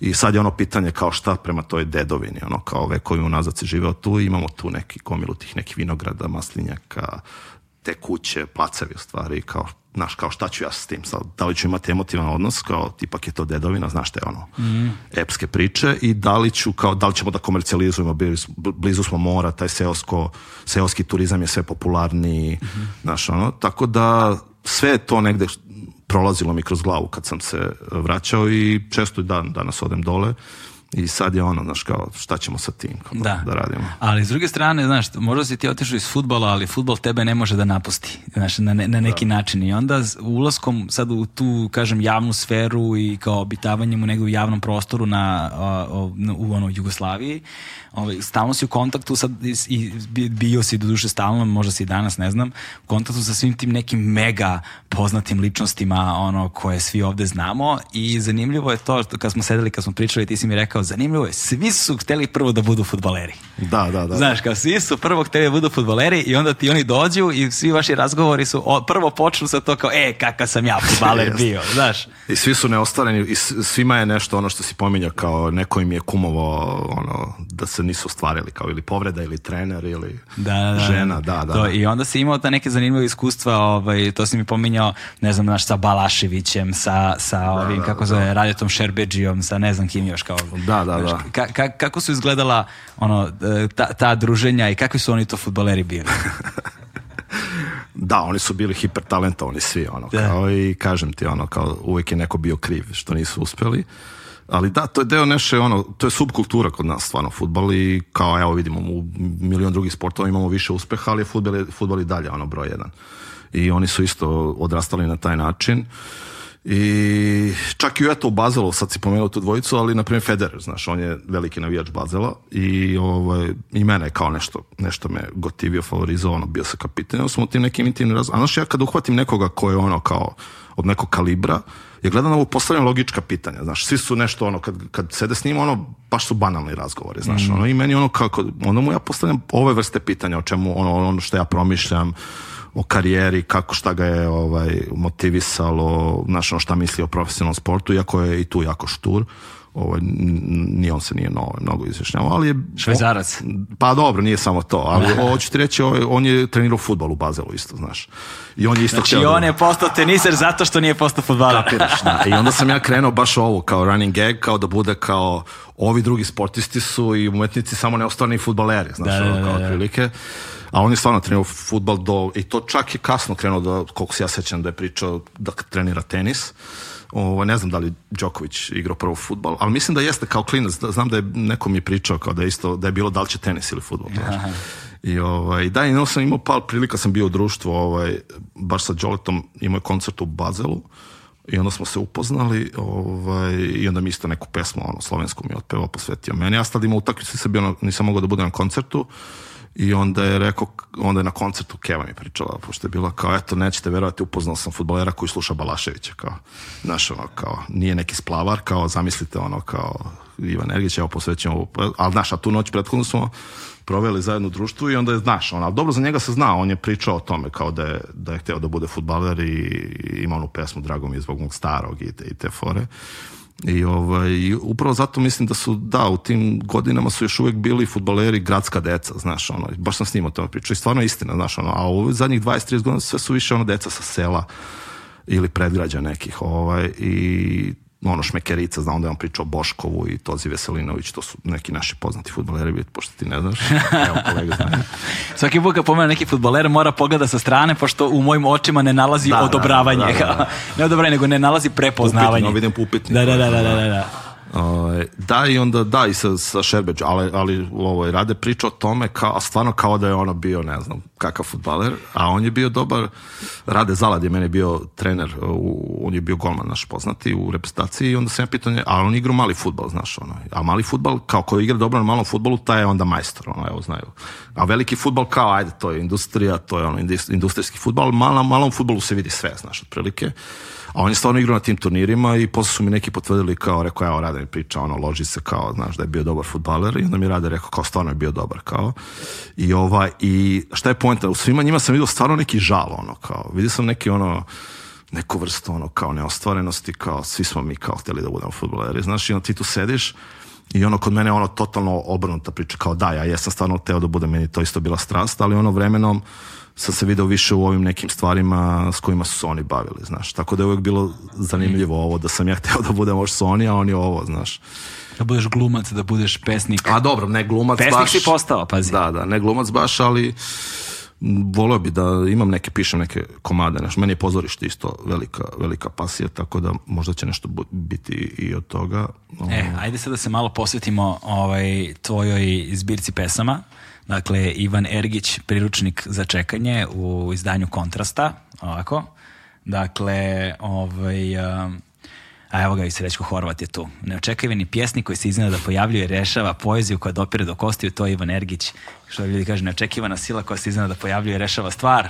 Ovaj, u svakom slučaju, a, a, poezija nekako znaš, ja sad kad posmatram ove godine unazad koliko se znamo, deluje kao apsolutno prirodan, logičan nastavak ono tvog tvoje evolucije, kad već pominješ te darvinističke ono momente, razumeš? I mislim da je da da se da se nalaziš zaista na pravom mestu, u pravoj poziciji za nekoga ovaj, koji ima životni put kakav si ti imao i to, to je nešto što stalno pominjem. Evo, čak, čak i tamo na onoj fotografiji stoji, vidiš citat jedan, to je, to je Meša Selimović rekao da imaš iz nekoliko razloga ljudi postaju pisci ili pesnici, a njemu da. najdrži lično je čovjek koji ima potrebu da krikne u prostor ono što ga muči. To je to, da. To Znaš, je to. Ovaj, to je to. i to negde se vidi zapravo kada se posmatra tvoj život unazad, na svakom delu tog puta se vidi negde taj glas, znaš, taj pesnički ili prozni glas koji želi da izađe napolje i koji je pronalazio način da to uradi i pre nego što a, uh, je dobio ovaj konačan oblik, ali i naravno i ono, prijatelji smo na društvenim mrežama, pa pazi ti stalno i pre nego što izašla tvoja poezija godinama unazad kačio poeziju nekako da, po, da, da. Po, ovaj, stalno, stalno na, na društvenim mrežama i tu se videlo da postoji poetski glas u tebi. Naprimjer, ja ga nemam, ja volim poeziju, ali zaista ga nemam. Znači, ja kad probam nešto da zapišem, to bolje da, da, da, da. nisam ni probao. Da, znači, ne, nikakva mogućnost artikulacije toga ne postoji i divim se, posebno se divim tim pesnicima koji uspevaju da, da, da os, os, naprave te pesničke slike dovoljno dobre, a da ne ostanu previše hermetični.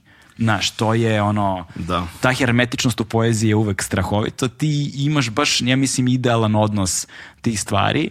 Ovaj, i, i, I kako je izgledao tvoj put, ono, znaš, ob, objaviti svoju prvu knjigu, znaš, nije ni naivna stvar, znaš, nije ni mala stvar. Uh, i ogoliti sebe sad na jedan potpuno novi način, pred opet nekom javnošću, je i ponovo prolaženje kroz sve to i osnaživanje samoga sebe, a posebno kada daješ nešto tako intimno i lično gde sad svaki lešinar može da rastrgne i da kaže da ovako ili onako. Kako je izgledao taj proces i koliko je tebi značajno bio taj trenutak da se to objavite knjiga? Pošto ti pesme imao dugo, ja mislim, pre nego što je to objavljeno. Da, da, da. Pa imao sam ja već jednu knjigu, ali sam izdat, mm -hmm. onako ja kao ja ću to gerilski, neću, ne treba mi izdavač, ne treba mi, neću apropo moje karijere sad kao da proguram tu priču, kao pošto već nosim neki kao kapital u javnosti, ne, ono kao ako je dobro progurat će se samo, ali taj ono kao baš je nespretno urađena bila ta prva knjiga, e, tako da ono, nju sam, nju sam ovaj, potisnu, nije čak ni korektorski, lektorski dobro bila urađena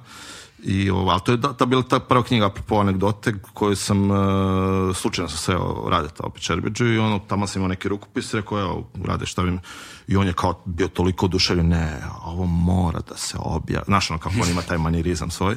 Glumci imaju, da, da, oni, da, su da. vrlo posebna kategorija jeste, ljudi. Jeste, ono. on baš je u tom manirizmu već ono godin, ne, sjajno, krasno, krasno. ovaj, I onda sam kao to objavio, ali ono u samizdatu izdatu i naravno ono kao prilike, ono samo je čitala moja keva ono znaš kao te prilike, znaš ako ne napraviš neki marketing ono onda sam rekao e sad ako sledeću knjigu ako budem objavljivao mora da bude jako uozbiljena priča i da bude jako književna priča i, i onda sam eto nakon toliko godina ali sam ja sve te pesme naravno imao ja sam pisao još u školi, znaš, ono ti prvi takmičenja, sekcije su bile, ne znam, tad sam ono imao već taj afinitet razvijen prema, prema pisanju i prema poeziji.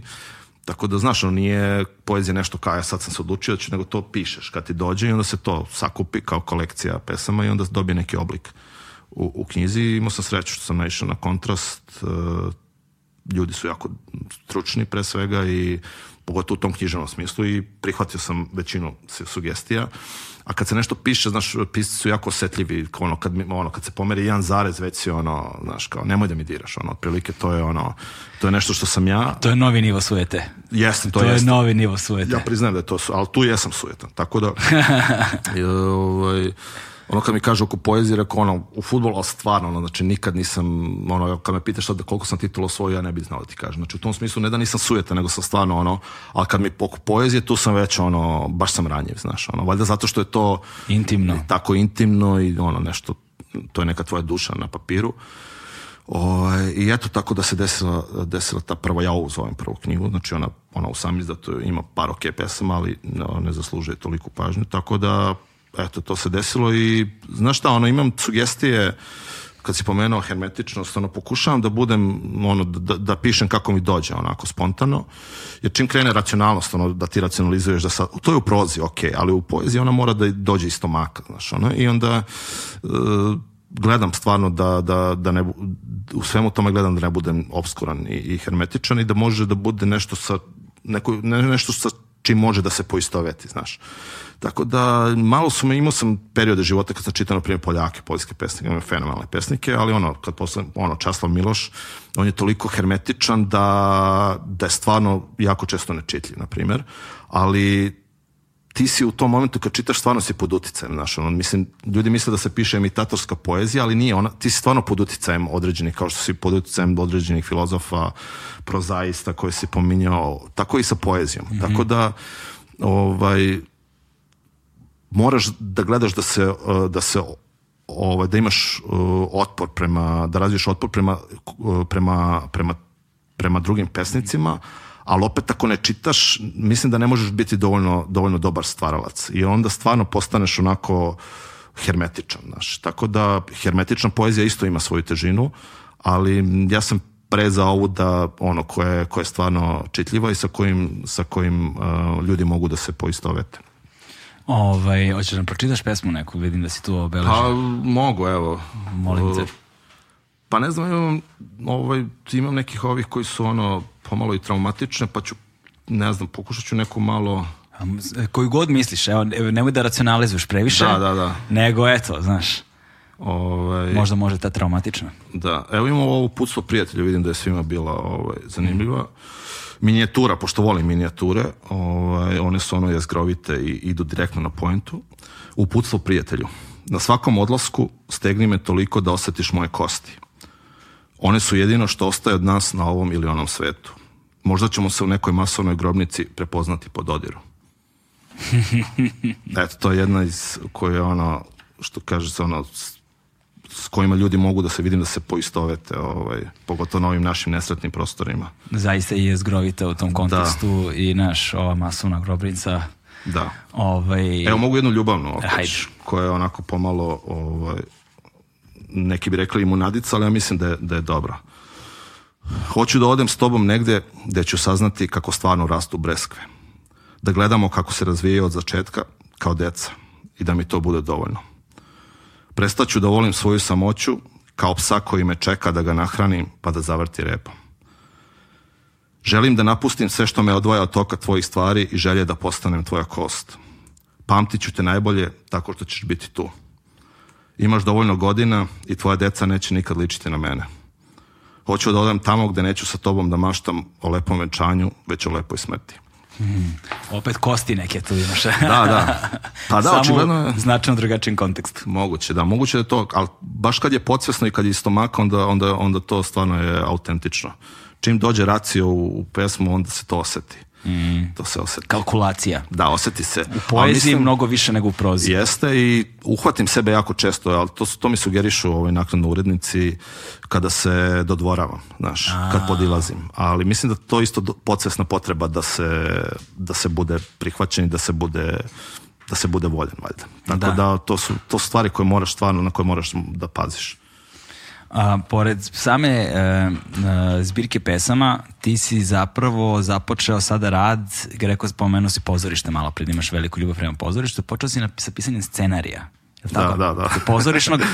ne, ne, kad kažem pozorište, onda, onda kažem e, komad, ali komad. scenario je, da, e, ne znam na šta misliš, smo pričali o tome. Pa nešto smo samo šturo, ne znam da, tačno da. šta je, da. znači, samo si mi rekao da si povijek. Pa ne, volio bi da napišem, već imam napisano film, o, film ili neku seriju o futbolu, znaš, mm -hmm. jer to bi bilo, kad sam pitao za poeziju, ovo nije ništa drugo od onoga što sam već pisao samo u kad kažeš ogoljenje, ono, ja sam se ogolja, ogolio recimo u nekim mesejima, u, ali u ovoj ogoljenju samo u toj formi, znači ovde postoji neka vrsta konzistentnosti, recimo, kontinuiteta, ali u ovoj formi i hteo bi da to uradim u, u ovaj, recimo, da se ekranizuje ne, ne, nešto na taj način, jer ipak je televizija i dalje naj, najznačajniji medij, ono, to je, ona je ovaj, ipak glavna i voleo bi da stvarno, mislim sad ima, sad je baš ono pomodarski pomalo trend tih serija i kad vidim šta se sve snima, stvarno ono, neskromno mislim da bi, da bi mogo da mhm. napravim nešto što pogotovo futbolu, znači ono, toliko je ono javan, masovan, svetski fenomena da ti nemaš još uvek ono seriju ili film o, o futbolu koji će da prikaže, a ne ono Bandit Like Beckham ili ne znam, neka romantizacija Dobro, imali su ove Montevideo. Mo Montevideo a dobro, to, to je isto malo romantizacija, znaš, tu da. nema dubine, tu ne nema... znam, nisam gledao. Iako ne kažu da je super urađen e, produkcijski, ali nisam ni ja ovaj, gledao, deluje mi kao romantizacija, što je isto okej, okay, ali ne govori ove stvari iza, iza kulisa, tako da bi to bilo nešto što o čemu sam govorio, samo u tom, mm -hmm. u toj mhm. formi. Ovaj. I u komad koji bi bio o futbolu, slačionica bi se zvao. I ono, mislim, to piše samo sebe. Tu samo se treba da se seti milion anegdota. A ono što kažeš, ne možda pobegne još u futbola i meni isto ima još uvek dosta futbalera u meni, iako ja to potiskujem. Ali to, ovaj, ta slučionica i to, s kim god sam pričao već sa nekim dramaturgima, svima to zvuči fenomenalno. Da, to već na prvu loptu zvuči dobro, da, znaš. Da, da, da, tako da imao sam neki ono scene, ali smestio sam ga, smestio sam ga u neku treću ligu, u Nemačku, gde, se, gde igraju Hrvat, Bosanac i Srbin. Uh, i, ovaj, i koji su preambiciozni ono, koji imaju ponudu da, da prodaju utakmicu, znaš. Aha. I to je ono, to, to piše već samo sebe, znaš, i kome god sam pričao, al dobro, sad sam samo neki male detalje rekao, ali treba mi dramaturška podrška, treba mi, vidim da ono nije to poezija, nije to ono, nije to esej, to je baš ono, zavidim dramaturg, znači to je stvarno zanatska stvar, to moraš da znaš, pogotovo komedija, komediju je ono, ja, kom, našim komediografima ono, kad, a imamo tu, stvarno imamo taj panteon, već od Domanovića pa posla i i Nušića i, i svih drugih, ovaj, nasmejati čoveka je stvarno ono, veliki zanat, mnogo veći nego napisati dramu. Da, s druge strane, posebno da nešto što si zapisao na papiru znaš kako će da zvuči i da deluje u izvedbi. Jeste, to, da. je, to je sad jedna kategorija, potpuno druga, to je potpuno druga dimenzija. Znaš. Da, to je ključno između ono, scenariste ili dramaturga i, mm. i reditelja, znaš. Taj prelaz je ključan u suštini, da. Da, da, to je, znaš, neke, neke fore, na primer, potpuno bez veze zvuči van konteksta kada ih pročitaš na papiru, kada ih neko izvede i kada imaš ono flow, delivery, tako je, tako je. znaš, sve, onda to dobija kao, a, vidiš, pa se ulčita malo i karakter jest, se vidi jest. i to, znaš, to je ali glumac važan, jest. tu je glumci su važni, režija je važna, produkcija je važna, tajming je važan, sve je važno. Znaš. Ali to isto sa poezijom, znaš, ono kad kažem, kad dođu mi na promociju kao čitalačko iskustvo i slušalačko uopšte nije isto. Kad neko odrecituje ili kad ti sam čitaš. Mm. Znači samo iskustvo pisanja i naknadnog čitanja je već drugačije kad ti ono edituješ to. A zamisli koliko je ono slušalačko kad neko recituje i koliko je kad ti čitaš sam u svojoj sobi, razumeš? Mm. E, tako je i sa ovim. Ovaj, I to su mi rekli baš neki ono scenaristi kao, iako ja neću da uredim reditelje, ovaj, više cenim scenariste i, i ovaj, tek, ove, uh, kako se zovu, dramaturge. dramaturge i ove što pišu komade, nego reditelje, jer oni se ipak scenarista ipak ide od praznog papira. Znači, mm. on stvara ex nihilo, razumeš. A reditelj je neko ko, da, on mora to da napravi celovitu priču, on je jako, jako važan, ali mislim da su uh, ovi tekstopisci generalno, čak i u, i u, i u diskografiji, u pesmama, uh, su malo ono quite achievers, no, malo su zapostavljeni od, čak i od interpretatora, uh, glumaca ili, ili pevača, tako da uvek ono, uvek sam malo na strani ovoga koji stvara iz, iz, iz praznog papira. Da, drago mi je što si to ti izgovorio da nisam morao ja. Ali ovo... Što tebi ovo... Ovaj- pa da, ovo, ovaj, šta, ba, ja isto takođe raz, razmišljam na vrlo sličan način um, i a, sad da li praktikuješ neke recimo ono savete kada je pisanje scenarija u pitanju. Znači, recimo, na, na, na, su nama govorili na tim nekim kursivima kao, znači, napišeš dijalog, e, ali onda probaj da ga pročitaš u realnom vremenu. Pa da vidiš koliko zapravo mnogo više vremena razgovor, dijaloška forma uzima kada je u živoj izvedbi nego kada je zapisana na papiru, jest. znaš, kao odjednom, znaš, vremenske distance Slažem. su, su značajno drugačije, a i kako razgovor dobija na težini ili pada u banalnost kada se naglas izgovori. Naš dijalog napisati uopšte nije jednostavna stvar. Slažem se, da. To je baš ono, ljudi yes. koji imaju dobro da pišu yes. dijaloge su posebna kategorija yes. stvarate. Pa to mi je, to su mi skrenuli pažnju i na didaskalije i na ono kako mm. se, kao didaskalije su poseban ono vrsta umetnosti kao... Ti moraš da osmisliš ceo mizansen, sve tako živo, je, tako, je. je. Da to se bude jasno kroz jeste, didaskalije. Da. Jeste, da. i onda su mi rekli kao ovo što pišeš kao to je stvarno ono jako dobro, ali vidi se kao da je to proza, ali o, jako papirnata. To kad se izađe na mizans, kad se postave stvari, to izgleda mnogo drugačije, znaš, kad mhm. to glumac mora da izinterpretira. Tako da ti moraš već da imaš svest o tome kako će to da izgledati i na taj način da prilagodiš sam, svoj, sam svoje pisanje, znaš. Mm -hmm. Tako da, ali to me stvarno, ono, stvarno me ispunjava i kad su mi rekli neki dvoje, troje ljudi, neću da ih pominjem, koji su jako relevantni u tom svetu, da, da stvarno to mogu da radim, valjda ću, valjda ću ono jednom, ali kod nas je ono... Pa valjda napišeš prvo tekst, pa sad ga onda maro, pa onda ide tekst na adaptaciju, znaš. Da, da, sad, da. Naš, sad, kao, koliko vremena zapravo provodiš ti sad dnevno, nedeljno, mesečno, ne znam koliko vremena uopšte imaš i pa ak, vremena, aktivno bavići se time? Pa ne, znaš šta, nema tu ono određeno vreme. To da ideš po, kao što je sport po motivaciji, ovo je po inspiraciji, znaš, mm. to je mm. ta paralela. Tako da kad dođe motivacija, E, nisi uvijek... Kad kroz... dođe motivacija, dođe inspiracija. Inspiracija, da, da, da. Tako da, znaš, ono, e, jer kad to ti je, Izvini, to ti je moj nivo pesništva. a pa dobro, to je rep neki, šta je? Ti repova, a ti mi ličiš malo na repa, nisi? Jo, kad bi znao, znači... A, pitao sam te malo pre, za sam proces pisanja, pa smo se zezali, tako smo došli do ne, naš, bez motivacije, nema inspiracije, to je taj moj nivo, moj, ni, moj, nivo, moj nivo repa, ali da zapravo... To je slam, ono je slam, poezija, znaš, ono, slamo. Te, slam poezija Dobro. je posebna kategorija Jest. umetnosti. Ja je ne volim. Kad, ali kad, možda nisi čuo dobre slam pesnike. Što dobra, dobra slam poezija, pazi, dobra slam dobro, poezija dobro. je mnogo više od same samo poezije. To je izvedba cela, znam, pa znaš. znam, da. Ja sam bio na nekim slam po večeri, e, večerama. ovaj, bio, sam, bio sam na nekim slam izvedbama, doduše ne ovde, a, a u Americi kada smo nešto pucovali Amerikom i u Čikagu sam, na primjer, bio u tim mestima gde je rođen improv i onda smo bili u tim ko komedi klubovima i tim Dobro. improvima i onda smo bili, bio sam na dve večeri slam poezija kad je bila baš. To je znaš, kada to dovedeno do tog nivoa, to je ludilo. Znaš, dođu ljudi koji su, ono, znači, amateri su u suštini, nisu profesionalni ništa. Dobro. I onda oni imaju svoj, oni imaju prvo uh, selekciju, imaju konkurs, znači imaju ono, kao prvo se prođe određena filtracija, filtr, selekcija se Dobro. prođe prvo određena i onda, i onda te najave kada ćeš da nastupaš. Onda ti za taj nastup moraš da si ono i u ulozi, u emociji, u atmosferi, u kostimu, 90% njih se ih kostimira za ceo taj. Znači, to je ono, ba, o, posvećeni su tom i to izvedbi. Da, to je već performativna umetnost. Totalno. Da. I sad oni obično rade sa nekim bendom. Ja sam gledao dve večeri kada je bio bend.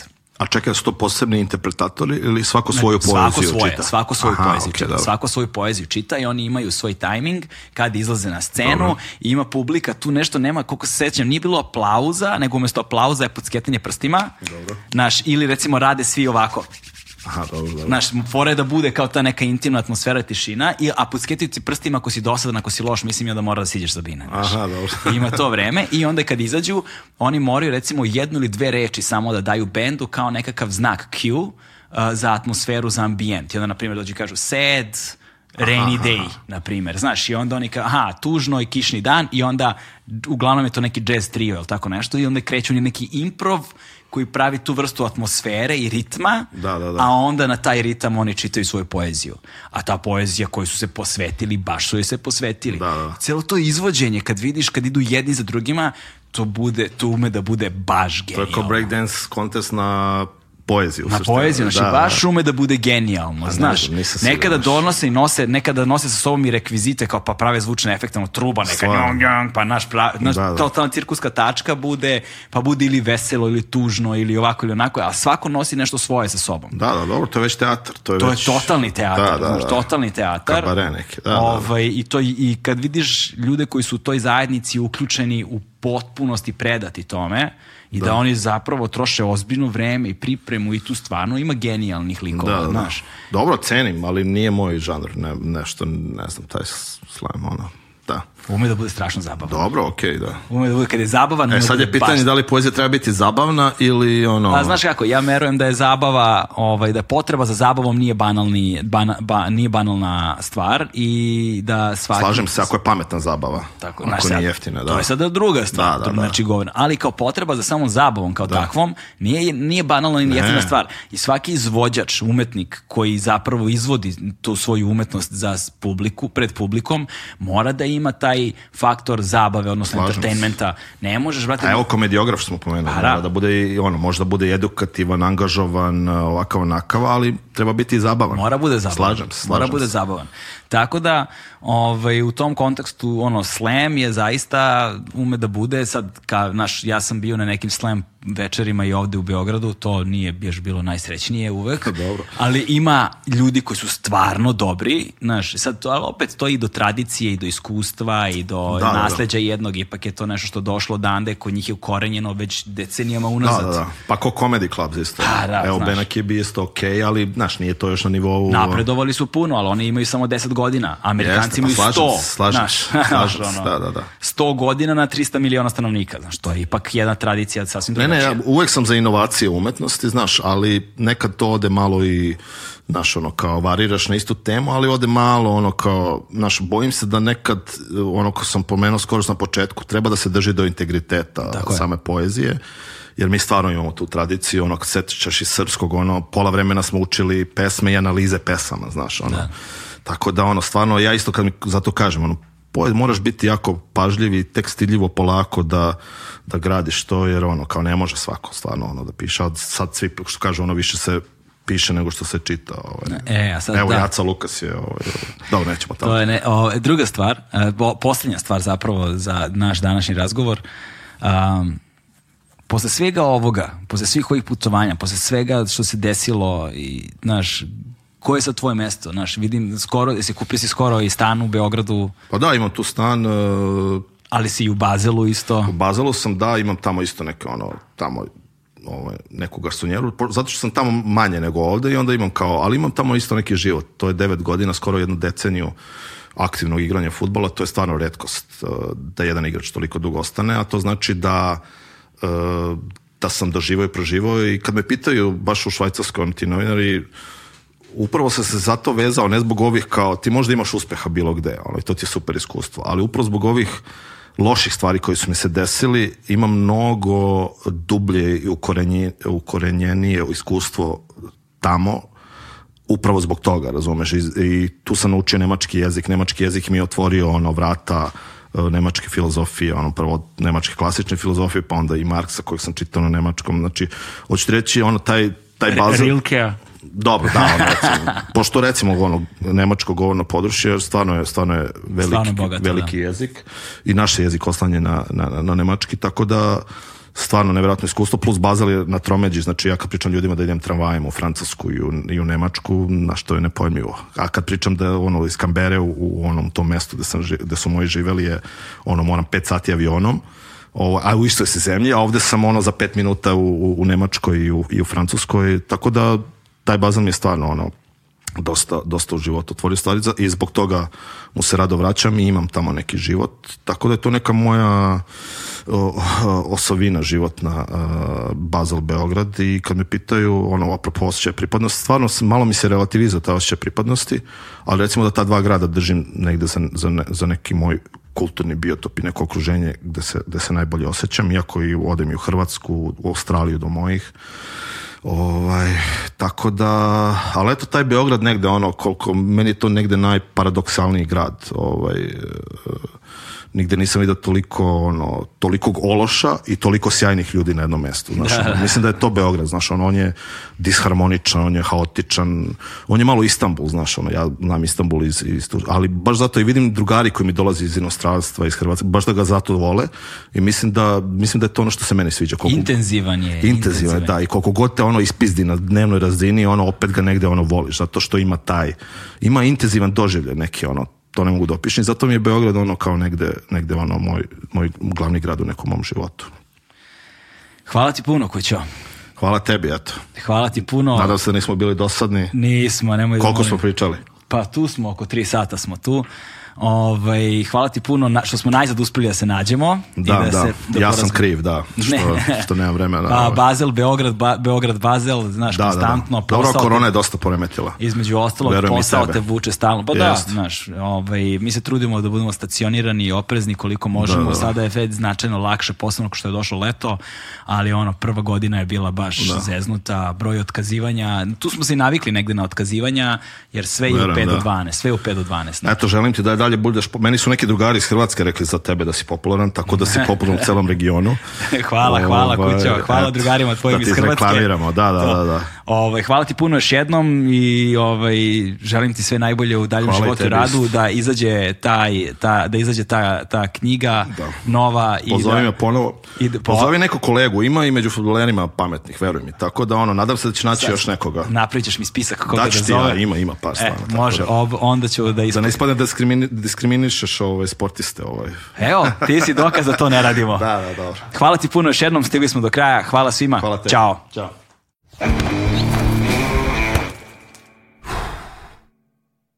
Hmm.